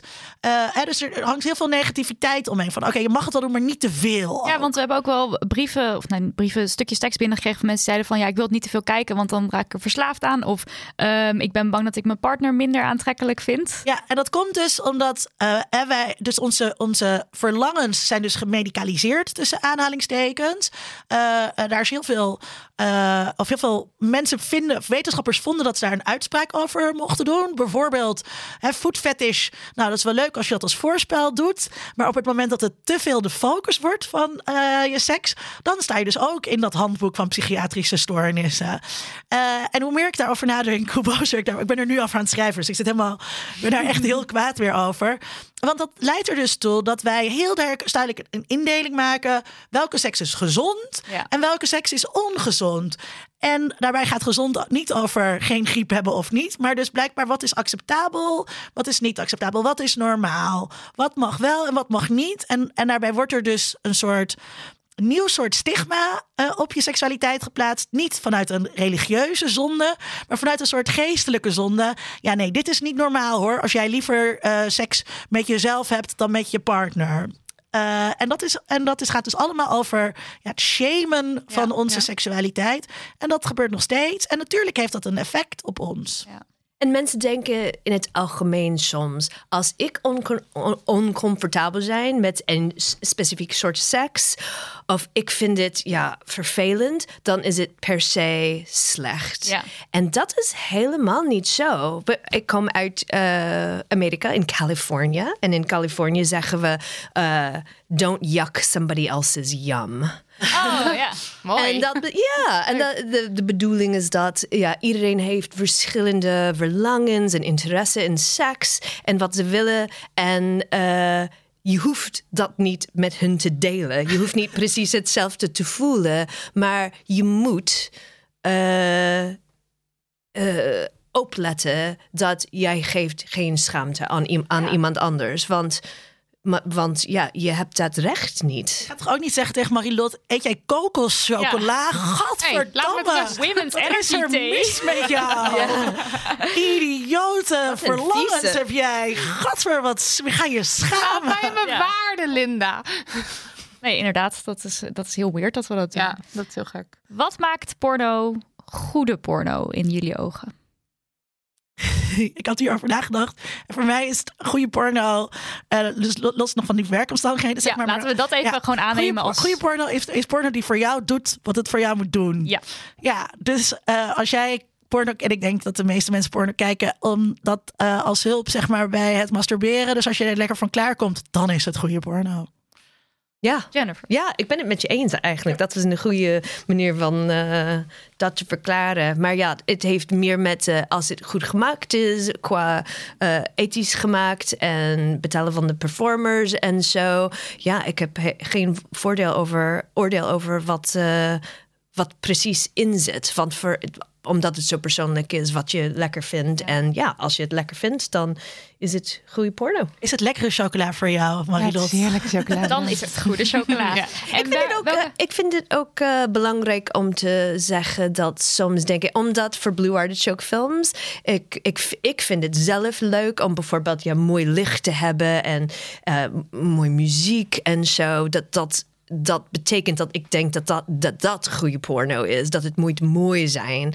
En dat is helemaal niet zo. Dat is gewoon wat ik vind leuk om naartoe soms te kijken. En wat ik leuk vind om zelf te maken. Maar goede porno heeft niet te maken met de licht en de muziek en zo. Het gaat over, ja, het gaat over goede seks en over seks dat eh, ethisch gefilmd is. Wat, wat ook het verschil wel is. ehm, ik, kijk, voor mij maakt Jennifer eh, porno, maar maakt ze meer dan porno eigenlijk wel. En wat, wat denk ik een belangrijk verschil is. Als je, als je porno alleen maar kijkt om klaar te komen, dan is het na het klaarkomen ook gewoon klaar. Uit, weg Gelijk dat weg, scherm. ja. Weg, weg, weg, weg. En eh, terwijl als je naar Jennifer's films kijkt, dan kan je klaar zijn en denken: Oh, ik ben wel benieuwd hoe het eigenlijk afloopt. Ja, Ja, ik wilde dit net ook, zeggen. ja, Want Oh, het, zo is, goed belicht. ja. want het is ergens ook gewoon best wel artistiek wat je maakt. Want ik vond bijvoorbeeld Adorn, waar je dus een prijs van hebt gewonnen, eh, vond ik dus niet per se heel geil. Maar ik heb hem wel van begin tot eind gefascineerd zitten kijken. Want het is een hele andere manier van. Ja, het is zo. Ja, kan je misschien even eh, kort uitleggen wat het principe van Adorn is? Want het is niet... Het is Een- niet een eh doorsnee. average. Nee. Ja, eh, ja, mijn idee was om dit te doen, ehm, was eh, een film maken dat iets zou vastleggen wat ik belangrijk vind aan seks. En dat is eh de emotionele aanwezigheid van twee seksuele partners die samen proberen te ontdekken wat hen gelukkig zal maken. En te doen dat door de beperkingen van een specifieke spel, een erotische spel. En het begint op het begin. eh, beide performers zijn naakt en de, de spel heeft één regel. En de regel is: eh, je mag de ander alleen aanraken over of onder de kleding die ze aan hebben. Ik vind het is zo is echt leuk. fantastisch. Ja. Enig. Ja. dus leuk, zij hè? kleden zich tijdens de film aan in plaats van uit. Ja. Ja. En dat En is dat- super geil en sexy. Ja. En Ja. dan, ja, ze zouden creatief moeten worden dan. Dat, dat je kunnen niet in zo'n specifieke, typische manier dit en dan dit. Niet dat er iets mis is met wat we zien in de romcoms en, en zo. Maar ze moeten iets eh, anders eh, bedenken Ja. samen. En dat zou, eh, ja, dat zou, ja, voor mij kan geiler worden. Ja, en ik Ja, ik voor mij deed niet, dat voor jou, dus voor niet jou helemaal. Maar voor mij, omdat ik, ik vind het zo interessant dat ze moeten elkaar lezen. Weet je wat ik bedoel? Dat eh, ik voel zoveel voor alle twee, voor Parker, Marks en Sadie Loon. Dat eh, als ze dichter bij hun orgasmes komen of, of ple- plezier voor elkaar maken, voel ik meer. Ik voel, ja, ik vind het geiler. eh, om dat te zien dan ja, iets anders. Maar, Ja, dat, maar- Is, dat is ook dat is gewoon mijn persoonlijke Wat bij jou ook meespeelt, is dat jij niet graag naar mannen in, in porno kijkt. Ik hou Dus gewoon niet zo van piemels. Ik vind het gewoon film- echt niet zo Ja, leuk. maar ja, als het dan misschien met twee vrouwen dit concept had, je er misschien weer heel misschien anders naar gevonden. gekeken. Want ik ging wel heel Oh, goed ja. op eh, eh, Silver Shoes. En dan de eerste scène daar, dat vond ik enig. Dat Twee vond ik vrouwen. helemaal leuk, ja. Eh, Adorn was de eerste film die ik van jou zag. En ik vond het, eh, eh, ik vond het misschien niet mega geil, maar vooral heel interessant. En wat ik er heel cool aan vond, is dat je dus heel erg ziet dat deze mensen heel veel plezier hebben. En heel erg gewoon lekker samen aan het eh, experimenteren, kijken, voelen, doen zijn. En dat. Dat kende ik niet op die manier uit porno. Want ik ben ook echt een porno-noob. Dus ik kijk heel af en toe misschien via por- Pornhub een filmpje. Maar dan heb je het echt over een paar keer per jaar. Het is niet iets wat ik vaak doe. Ik lees ook liever... eh, eh, nou, por nou, porno, ja, misschien ook niet echt porno, maar Seksverhalen. ja, seksverhalen zou ik het misschien eerder noemen. Ehm, Jij heeft net dus- ook zo volgens mij een aantekening in de computer gemaakt over Heren Heresma. Ja, zeker. Allemaal voor de show notes. Maar we hebben jouw Ehm, eerste porno-ervaring ook niet gehoord. Maar volgens mij was dat ook... was eh, ook meer tekst en ook wat jij vertelde over dat je dan eh, tegen je zin in het te zien krijgt. Dat heb ik nooit gehad. Ik kan me dat ook echt niet herinneren. Het eerste, de, eerste dingen die ik eh, dan nog weet is... eh, in de breakout stond dan een soort geil verhaaltje. Of eh, ik, las, ik las ergens in The Horse Whisperer... stond er een seksscène over een man met een lid... wat hij inbrengt in een... wat totaal niet geil is natuurlijk... maar voor mij toen ik elf was wel heel erg geil. Eh, maar waar was ik? Nee, dat vond ik dus zo bijzonder aan, eh, aan jouw film. En dat vind ik bij al jouw films. Dus ook al zijn ze misschien niet allemaal voor mij super geil. Ik vond die Silver Shoes, dat vond ik dan eigenlijk nog het leukst om naar te kijken. Qua ook echt masturberen of er opgewonden van raken. Maar je andere film, Headshot, je eerste film, daar wil ik het ook wel even kort over hebben. Daarin zie je dus een jongen die zit op een stoel. Komt een vrouw binnen en eh, zij gaat hem een eh eh, blowjob geven. Sowieso vind ik het al heel leuk om te zien dat zij elkaar ontmoeten. En dan van, oh, waarom doe jij dit eigenlijk? Ja, ik hou gewoon heel erg van seks en pijpen, zegt zij. Dus er er zit al veel meer in dan plat naar seks kijken. En het is prima als je van plat naar seks kijken houdt. Maar ik vind dit is een hele leuke extra laag die erbij zit. En vervolgens zie je dus alleen zijn gezicht terwijl die gepijpt wordt en ook klaarkomt. En hij moet helemaal giechelen Wordt ervan helemaal na het eind. Dat is En erg leuk. Oh, dat was heel erg lekker. En het is, ja, het is gewoon fascinerend eh, en leuk om naar te kijken. En ik vind dat, dat, eh, dat het leuk is omdat hij, eh, ja, hij wordt emotioneel. Maar niet Ja. emotioneel, oh, dit is liefde of wat dan ook. Je ziet dat ze voor het eerst elkaar ontmoeten op de set. Ehm, maar omdat hij eh, ehm, eh, onzeker is of, of zenuwachtig Mhm. Ja, ja, of zoiets... en hij laat dat zien... dan voel je alsof ja, jij bent hem of zoiets. En eh, ik vind dat heel aantrekkelijk. Gaat niet over wat, wat is zijn lichaam, ja, wie weet. Maar, maar meer over omdat hij durft dit te doen. En hij heeft allerlei soort emoties. Ja. En hij laat dat zien. Daarom vind ik het geil dat hij, dat hij ja, klaarkomt. Ja, sowieso schuw je ook emoties niet in je, in je films. Dus ook misschien wat meer, eh, eh, nou verdriet misschien niet, maar emotioneel. eh, Ja, allerlei soorten je emoties. zien, of ja. ja. want dat, dat, dat is seks voor, Ja. voor, voor ik en voor vele mensen. Dat het is niet dat je zit eh focust op een orgasme. Je hebt allerlei eh, ervaringen in je leven en met dit persoon en eh, allerlei ja, emoties. Dat, dat komt soms ehm, vanzelf in de seks uit. of wordt expressed door de seks. En om dat uit te halen, voor mij is wat ja, minder realistisch dan, dan om het te laten een deel van de film ehm, worden. En dat heeft ook te maken met de manier eh, eh, waarmee ik films maak. Is dat soms eh, ontmoet ik een performer bijvoorbeeld en ze zeggen: Oh, ik ben heel geïnteresseerd in deze onderwerp, bijvoorbeeld in Silver Shoes. Ehm, ik was echt, ik, ik had een Drag King workshop eh, gedaan met Louise Deville van Paris. En ik vond het heel interessant om een beetje te spelen met gender. Ehm, ja, qua seksualiteit en ook qua gewoon mijn eh, appearance. En ik wilde een film erover maken. En dan zei eh Leandra Dahl, ik ben echt geïnteresseerd in dat. En ik gebruik soms deze ehm eh, seksspeeltje die een, een strap-on zonder strap-on is. Die heet de Fieldo. En kunnen we dat, kunnen we iets met... ook met de Fieldo gebruiken. En ik zei, oh ja, iets over onderbroek. Die eh, je, je draagt een, een mannelijk onderbroek en zo. En, en dus was het een, een soort eh, samenwerking tussen ik en Leander en uiteindelijk Annabel over wat wij wilden allemaal zeggen over seks, over onze eigen seksualiteit. Dus de performers denken ook mee met wat zou ik ook fijn vinden om te doen. Ja. Eh, ja, is dat bij al jouw films? Bijna alles, denk ik. Ja, ja. Eh, Ik ben onafhankelijk regisseur. En dat is, ja, ik voel me heel eh, blij en eh, privileged dat, dat, ik, dat ik kan kiezen wat wil ik maken of niet maken. En voor mij is dat zo belangrijk dat de hoofdrolspelers eh, ja, een stem hebt in En- wat. En dat zie je dus denk ik ook. terug. Ja, dat Omdat denk je ik, dus ja. plezier heel erg ziet. Ja. En komen pornoacteurs op auditie? Hoe, eh, hoe Ja. gaat dat? Ja, voor auditie is het de eerste stapje altijd is koffie samen drinken. En dan wil ik horen, ja, wat, waarom ben je geïnteresseerd in dit soort film te, te eh, spelen? Ehm, en iets over ja, wat je lekker vindt om te doen op camera. En misschien heeft dat te maken wat je lekker doet thuis of niet. Kan helemaal anders zijn. En als zij denkt dat wij, wij kunnen elkaar heel goed horen... en we hebben een goed eh, chemie tussen ons twee... als regisseur en acteur of actrice...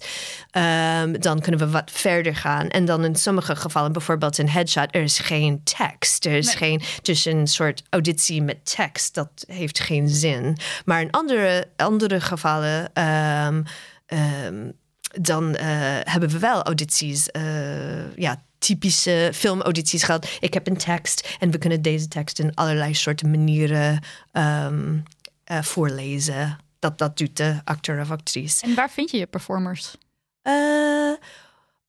Een paar verschillende plekken. Soms zijn ze gewone mensen die wil eh, ja, experimenteren met eh, hun eigen seksualiteit. En ze durven dit te doen. Bijvoorbeeld die, eh, die jongen in, in Headshot. Um, in sommige gevallen zijn ze acteurs of actrices van een, een, een meer classic... opvoeding. Ehm, eh, en soms eh, dansers of danseressen. Bijvoorbeeld de man in uh, Matinee, die is uh, balletdanser. En hij werkte bij de opera, de Amsterdamse, de Nederlandse opera, toen, ik, toen ik met hem werkte.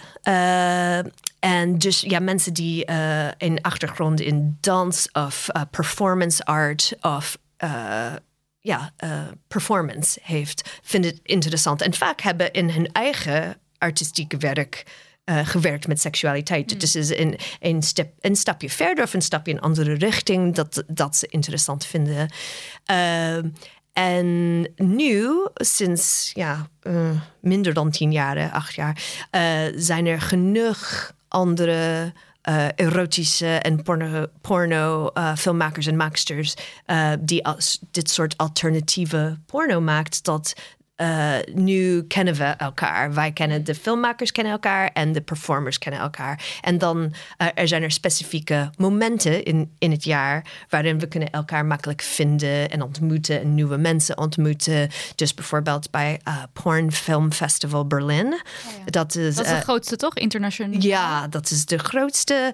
Um, er is ook een andere in Amerika, Cinekink, die ook is nu al veel jaren um, was jaren geleden opgericht. Maar in Europa is Porn Film Festival Berlijn de, um, de oudste en, en de beste. En uh, nu komen in oktober elk jaar alle de filmmakers en alle de performers daar naartoe om films te kijken, geïnspireerd te worden bij wat we, wat we samen zien. Um, en ja, nieuwe mensen te ontmoeten. Dus ik zie iemand in een film en denk van wauw, ik wil heel graag met die uh, persoon werken. En dan vind ik hen vaak bij de bar in een ja. filmfestival. en, maar ja, mag ik je een, uh, mag ik je een drankje kopen zodat uh, we kunnen kletsen. Ja, ja, kletsen. Wat zijn dan dingen die je doet die dan ethisch oké okay zijn in jouw maakproces? Ja, wel, eerst als ik een performer leuk en mooi of knap vind, dat is wel belangrijk als ze chemie heeft, een soort persoonlijke chemie. Maar dat maakt niks uit zonder dat er iemand anders is eh, waarmee uh, die twee vinden elkaar leuk en uh, interessant en mooi of knap. Um, dus de chemie tussen mensen is de allerbelangrijkste. Um, dus ik probeer zoveel mensen te ontmoeten. Um, zodat ik kan, als ik een idee heb over een film, dat ik kan uh, ja, een, een afspraak maken tussen de twee personen in, in een café of bij, per Skype of uh, wat dan ook. Want dat is, het is de belangrijkste. Dat ze willen heel graag met elkaar vrijen. Ja. Anders is er geen zin eigenlijk. Je zorgt altijd dat er contact is geweest. Van ja. tevoren dat er chemie is. En het gebeurt soms dat zegt iemand... ja, ik vond hem of haar leuk... maar dat is niet mijn topkeuze. Ja. En ik denk, oh, is heel, ja, dat is het. Dat is het. Ik ga niet verder. Uh, dus dat is de allerbelangrijkste. Dat ze een stem heeft in... Uh, of een, uh, een stem heeft in de thema van de film.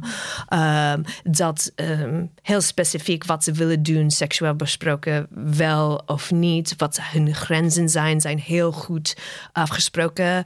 Uh, ook tussen uh, de performers en ik, maar ook met de performers tussen elkaar. En ook dat iedereen op de set gebeurt van tevoren wat gaat gebeuren. Mm. Dat, uh, zodat iedereen kan uh, ja, respectvol zijn.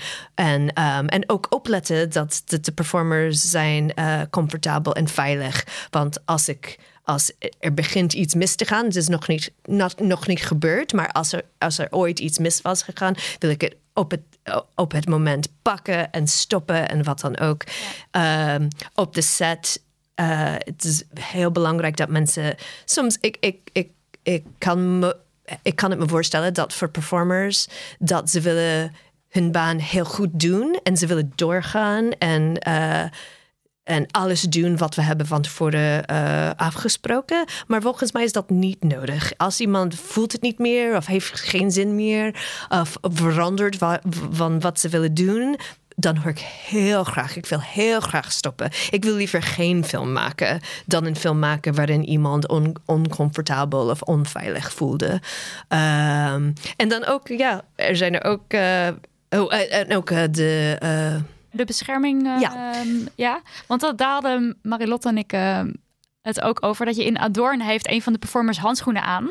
ja, En, ja, ehm, oh ja, dat was wel... Marilotte die had daar wat moeite mee. Terwijl ik vond dat dus juist een teken van... Oké, maar hier, zij mogen dus helemaal zelf... Het gaat niet om de esthetiek of... eh, het, blijkbaar wil hij dit, of is het nodig? Dus heel goed juist dat het gewoon op beeld te zien is. Ja, ja, het is een, een gesprek tussen de performers en wie, eh, wat, wat soort eh, safer sex willen ze gebruiken. En de ene die wat eh, meer nodig heeft qua condoms of, Ja. of gloves of handschoenen of wat dan ook. dat doen we. En ik weet wel dat dat niet altijd te zien is in porno. Maar ik vind het heel ja, geil om te zien dat mensen hebben wat ze willen op de set. En het, plu- en het past bij het verhaal, want je mag elkaar alleen maar aanraken als er dus Oh ja, ook of iets nog. anders tussen Zo zit. had ik het nog niet eens Oh ja. bekeken. Ja, past vond ik hier perfect. dus heel eh, goed erbij Ja. Nou, ik kon mijn ogen er niet van afhouden van die... Van, nee, van, dat, dat, Maar je snapt het wel, ik hè, snap toch? het wel, want ik had dus wel, toen we het daarover hadden, van oké, dus er wordt dus blijkbaar het gesprek gevoerd over wat heb je nodig. En dan kan ik daar dus wel heel erg de waarde van inzien. En tegelijkertijd vind ik het raar op beeld om het te zien. Snap je? Omdat in de porno dat Ja, je ja, kijkt. omdat je het ja, nooit je ziet. dat Ja. nooit. Nee, ja, dat is ook een verschil tussen meer eh hetero porno en queer porno. Dus bijvoorbeeld eh, veel van de films op eh, de... Niet alle, maar veel van de films op de Pink Label... eh, TV-website zijn eh, door queer mensen gemaakt en met queer performers. En ja, queer seks, dat betekent dat er geen specifieke menu is, bestaat van wat jullie eh, kunnen samen doen. Ehm, maar zijn er dingen dat soms komt in, in beeld en bijvoorbeeld ehm, eh, fisting, hoe zeg je dat? Fisten? Ja, fisting, ja. Fisting, ja, vaginale of anale. En als je een eh, latex handschoen draagt, dan is het zo lekkerder om fisting te doen. En dat is soms te zien in eh, queer porno, soms niet. Maar als je vaak naar queer porno kijkt, dan zie je heel vaak een, eh, een zwart, altijd zwart. Ja, want latex. daar, daar vond ik dus eigenlijk soort van nog dat het dan zwart moest zijn. Ja. Ik had allemaal gedachten erbij. Wat En- komt de, die zwarte, ze komen van de, van de tatoeage Ja. ehm, gebied. Want dat is, ja, ik vind het grappig, stoer. En- Dit is dus wel echt een teken dat ik waarschijnlijk dus niet per se queer porno heb gezien ooit. ooit want ik heb nog nooit een handschoen Netjes gezien. gemaakt. eh. Netjes gemaakte, ethische, queer, eh, gewoon de porno uit zeg maar de hoek waar jij eh, in zit. Dat ik dat waarschijnlijk dus nog nooit gezien heb. I mean, het is, mo- is moeilijk te- om te zeggen wat voor porno maak ik. Is het queer? Is het niet queer? Wie weet. Want in die geval, in, eh, in ehm, Adorn, heb je wat lijkt alsof we een cishet vrouw en een cishet man zijn. Dat is niet per se zo. Ehm, en sommige dingen zijn eh, ja, seksuele ehm, activiteiten dat je vinden in andere films en andere helemaal niet. Dus ehm, en sommige dingen, bijvoorbeeld de, de zwarte eh, latex handschoen, Ja. dat is iets ja, dat je heel vaak ziet in queer porno, niet een andere soort porno. Of ook gay porno. Ja, dus wat voor film is het? En wij zijn een queer, een queer filmmaker en een eh, cast en crew die niet voor 100% maar veel queer is. Is dat een queer film? Niet een queer film? Wie weet. Ja, nee, ja, is het is kunst? Is het porno? Is het queer? Is het niet We queer? weten Wie het weet. allemaal. Het is Ja. leuk. Ik denk dat het bij porno ook heel belangrijk is om te onthouden dat het zo'n ontzettend divers Je kan genre eigenlijk niet is. spreken over porno. Je kunt echt niet spreken over porno, veel beter over pornografieën, meervoud. En er is zo ja. ontzettend veel te ontdekken. En dat alleen al ehm, als je door een mainstream porno site bladert. Ik ben heel erg voorstander van bladeren. Dat idee dat je dus nu door zoveel verschillende subgenres heen kan. Je kan van alles bekijken om te bedenken, dit vind ik interessant, dit vind ik niet interessant. Oh, eh, hier wil ik wel een paar minuten. Oh nee, toch niet. En dat je dus het is Alien zo'n ontzettend... Deze meid. Welke porn? Alien, animatie alien Oh, porn. ja. Tentakels. niet voor mij. En dus dat, dat er, is, er is ontzettend veel eh, te ontdekken. En dus ook ontzettend veel aan eigen eh, voorkeuren en fantasieën en verlangens eh, te ontdekken. En dat is ook een oneindig proces. Dus denk vooral niet, oh, ik ben nu 21 en dit werkt voor mij. Want Nu weet ik het. Precies, als je straks 25 bent, dan vind je misschien die alien porn wel, Wel heel leuk, ja. wel Ja. eh, heel lekker. En dat zijn dus e- ook een van de dingen die ik zo jammer vind aan die porno-negatieve houding die we in onze maatschappij toch wel hebben. Is dat. ehm, je, dat, dat, dat, het je dus, dat het dus ook mensen weerhoudt van het ontdekken van hun eigen fantasieën en verkennen wat er, wat er allemaal aan eh, prinsen en prinsessen en dingen ertussenin volk lo- rondloopt om Ja. te bekijken. Ja. Ik denk dat we daarmee moeten gaan afsluiten. Ja. Want jij moet zo weer lesgeven, Linda. Ik heb echt nog duizend, Duizend en één vragen. en eh, dingen. Maar om, nog één laatste ding. Want Jennifer, jij gaat eh, eh, in Pakhuis de Zwijger een event organiseren. Kan je daar iets meer over vertellen? Ja, Als het dus, in het Engels fijner is, is ook fijn. Ik probeer eerst in het Nederlands. Nederlands, yes. Eh, ja, ik ga mijn eh, Blue Artichoke Film erotische platform lanceren. Yes. Met, een, met een feest in de Paco's de Zwijger grote zaal. En eh, de bedoeling is, ja, omdat een deel van Blue Artichoke Films is... Het is- gaat niet alleen maar over films, maar over evenementen. Over lezingen, over eh clipjesavonds. eh, over feesten waarin je kan... Sorry? Praten, nadenken. Ja, ja. En, ehm, en dat, is de, dat is de goede over Blue Artichoke. Dus we gaan dat soort evenement in Zwijger hebben. En we eh, hebben heel interessante gasten. We hebben Ellen Laan, de Ellen Laan. heel beroemd eh, seksuoloog en psy- psycholoog. En eh, ook Bishop Black. Hij is een ehm, porn performer, queer porn performer. Ehm, ook performance artist, danser. Hij doet allerlei interessante dingen. Maar hij is ook een van de collaborators voor Sex School. Dat is, eh, komt uit Duitsland. Dat is heel interessant eh, voor volwassenen eh, bedoeld. Ehm, ja, ehm, eh, seksuele voorlichtingsprogramma met fictie, maar ook, eh, eh, ook instructies. Ja, het is zo interessant en geil. En, En geil. en dan hebben we van Amerika de allerberoemdste, bijna allerberoemdste pornostar ooit, denk ik, Stoya.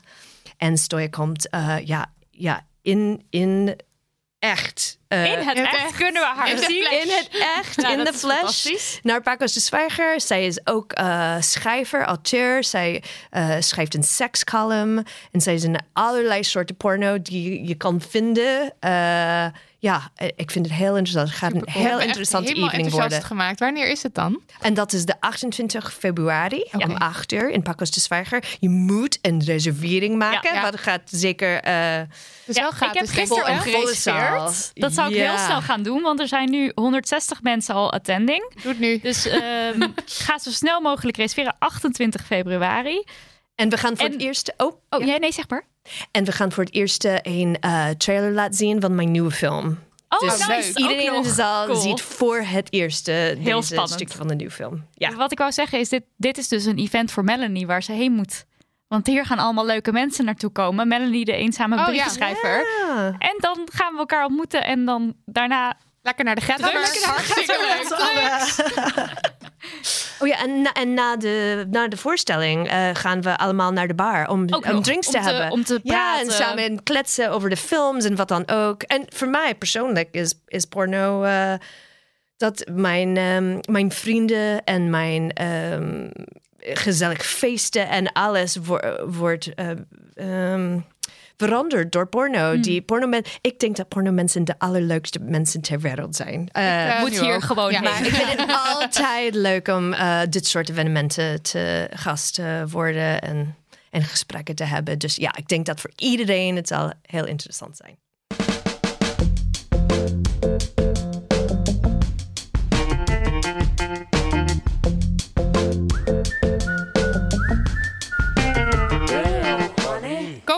Bij onze lievelingsrubriek Damn Honey, No en Yes. Eh Nidia, wat is je no? Ja, het programma Wie denk je wel dat je bent? Een programma waarin wetenschappelijke, maar vaak ook hilarische experimenten worden gedaan, al dus de makers. Ehm, en ik snap, het is tv en het kan misschien niet de diepte in. En het moet grappig zijn, want het is zondagavond. Maar oh my god, het is zo seksistisch en bovendien ook een schande voor de wetenschap.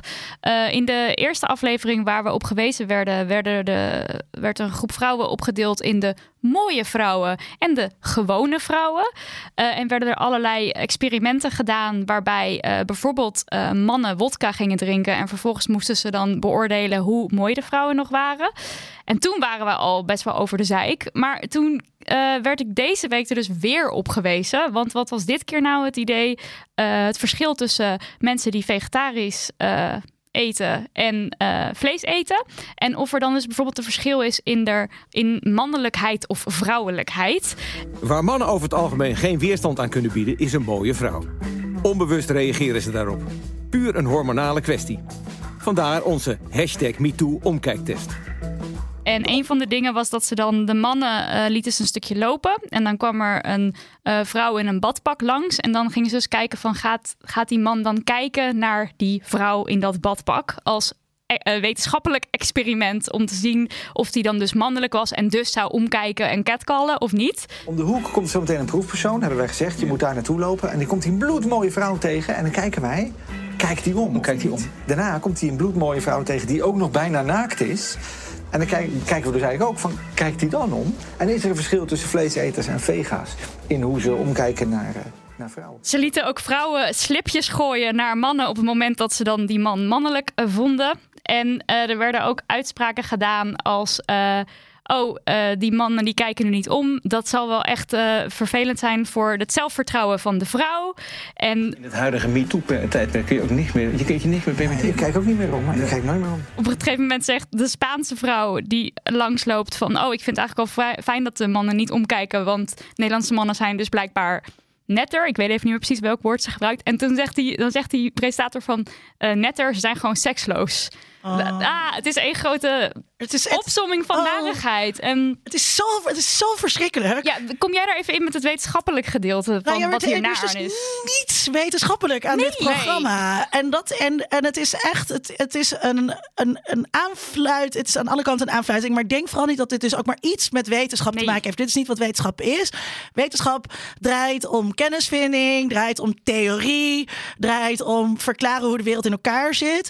Dit programma draait om mensen uh, uh, te stereotyperen Precies. en dat uh, te reproduceren, zeg maar. En dat heeft dus niet, dat heeft niks wetenschappelijks. Het lijkt alsof ze een soort wetenschappelijke methode gebruiken, want ze doen experimenten en dat klinkt dus heel wetenschappelijk, maar dat is het niet. En dat weet je dus meteen al, want je weet helemaal niet wat betekent mooi. Wat is, wat is mannelijk? Precies. Precies. En zolang je dat niet weet, kun je dus ook geen experiment doen. En, en ja, dat dit soort dingen nog op tv zijn, is echt een reden om je tv gewoon, ja, wie kijkt dat ook nog. Bedoel, ja, dat, dat, is het... dat verbaast me dan dus. Mensen kijken het. Nou ja, kijk, dat er hoge kijkcijfers zijn, betekent altijd heel weinig. Uh, want Nederland heeft gewoon heel erg veel oudere mensen. En oudere mensen kijken gewoon nog steeds heel erg veel televisie. En in die zin moet je dus maar denken, dit sterft uit. Ook ja. de presentatoren zijn ook zo verschrikkelijk. Ja. Je seksistische, racistische oom op een verjaardagsfeestje. Zoals Oprah Winfrey zei, time's up. Weet je wel, deze, die, dit is gewoon uitgerangeerd. Ja, en het enige uh, tegengeluid wat je krijgt als je er commentaar op hebt, is het is maar een grapje. Daar moet je ook ja. om kunnen lachen. En dat alleen al zegt genoeg. Ja, het is wetenschapper. Dit is dus dit is, het is geen grapje op het moment als je zo ook uh, uh, iets doet uit naam der wetenschap. Ja. ja. Ja, en dat, is, dat kan je niet, dat is geen beschermde titel. Maar, maar ik ben er wel heel boos over. Ja, niks met wetenschap te maken. Nee. Girl, labai. Doei. Damn honey, no. Oké, okay, dan gaan we naar de Damn Honey Yes. En uh, voor de luisteraar, we zijn nog maar met z'n tweeën over. Het is nu jij en ik. Aan elkaar en overgeleverd. Yes, ja. Nee, Linda, Linda moest er echt vandoor en Jennifer ook. Dus um, Dag Linda, dag Jennifer, bedankt voor alles. Door naar de yes. Marilot. Ik wil graag even een boek pluggen dat nog niet bestaat. De mensen achter de podcast Dipsaus. Dat is een tweewekelijkse podcast voor en door vrouwen van kleur. Waarin verhalen en maatschappelijk relevante onderwerpen vanuit het perspectief van vrouwen van kleur verteld wordt. Uh, zij komen met een bundel getiteld De Goede Immigrant. En met die bundel willen ze de verhalen vertellen van mensen met een migratieachtergrond. Uh, en daar in die bundel worden vragen gesteld of beantwoord, zoals hoe welkom is Nederland voor bruine en zwarte mensen die wel integreren, maar zich misschien niet willen aanpassen? Hoe bouw je een nieuw leven op en hoe ga je om met ongelijke kansen en voorwaardelijke mogelijkheden? En wat gebeurt er als je kritiek hebt op jouw nieuwe vaderland?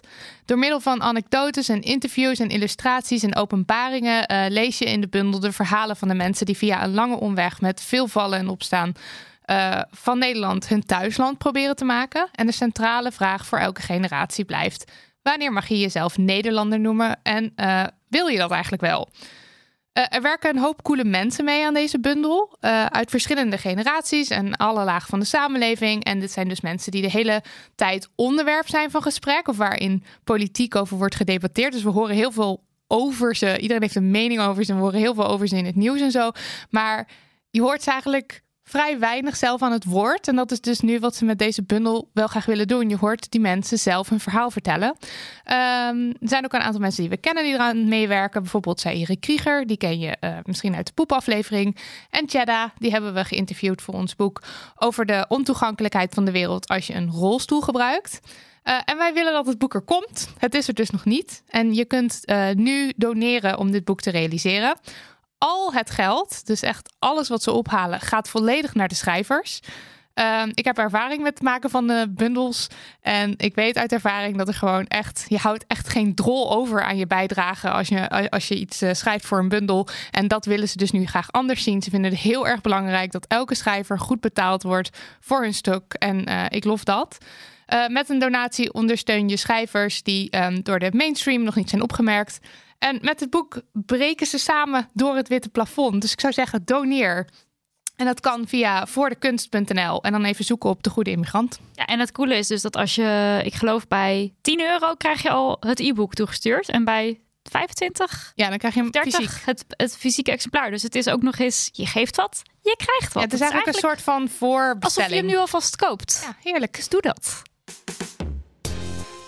Dit was aflevering 36.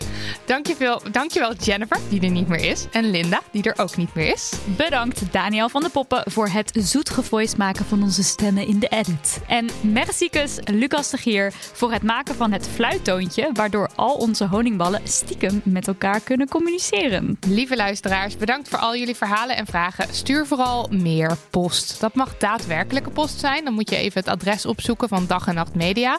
en de post aan Damhoney richten. Maar je kunt ook gewoon mailen en dan wel naar info.damhoney.nl. Wil je ons supporten? Spreek dan nu, ja, nu, de eerste beste persoon in je buurt aan en zeg: Hey, luister je al naar Damn Money, de podcast? Niet? Wacht, ik abonneer je wel even. Geef je telefoon maar. Of doe dat allemaal lekker niet, zelf weten. Tot over twee weken. De ballen. Kussens, bedden, matrassen, beddengoed. Emma Sleep heeft het allemaal. Ga naar emma-sleep.nl om van jouw slaapkamer een slaapparadijs te maken. Er is nu moederdag sale gaande met kortingen die oplopen tot wel 50%. Gebruik de code DAMHONEY voor nog eens 10% korting daarbovenop.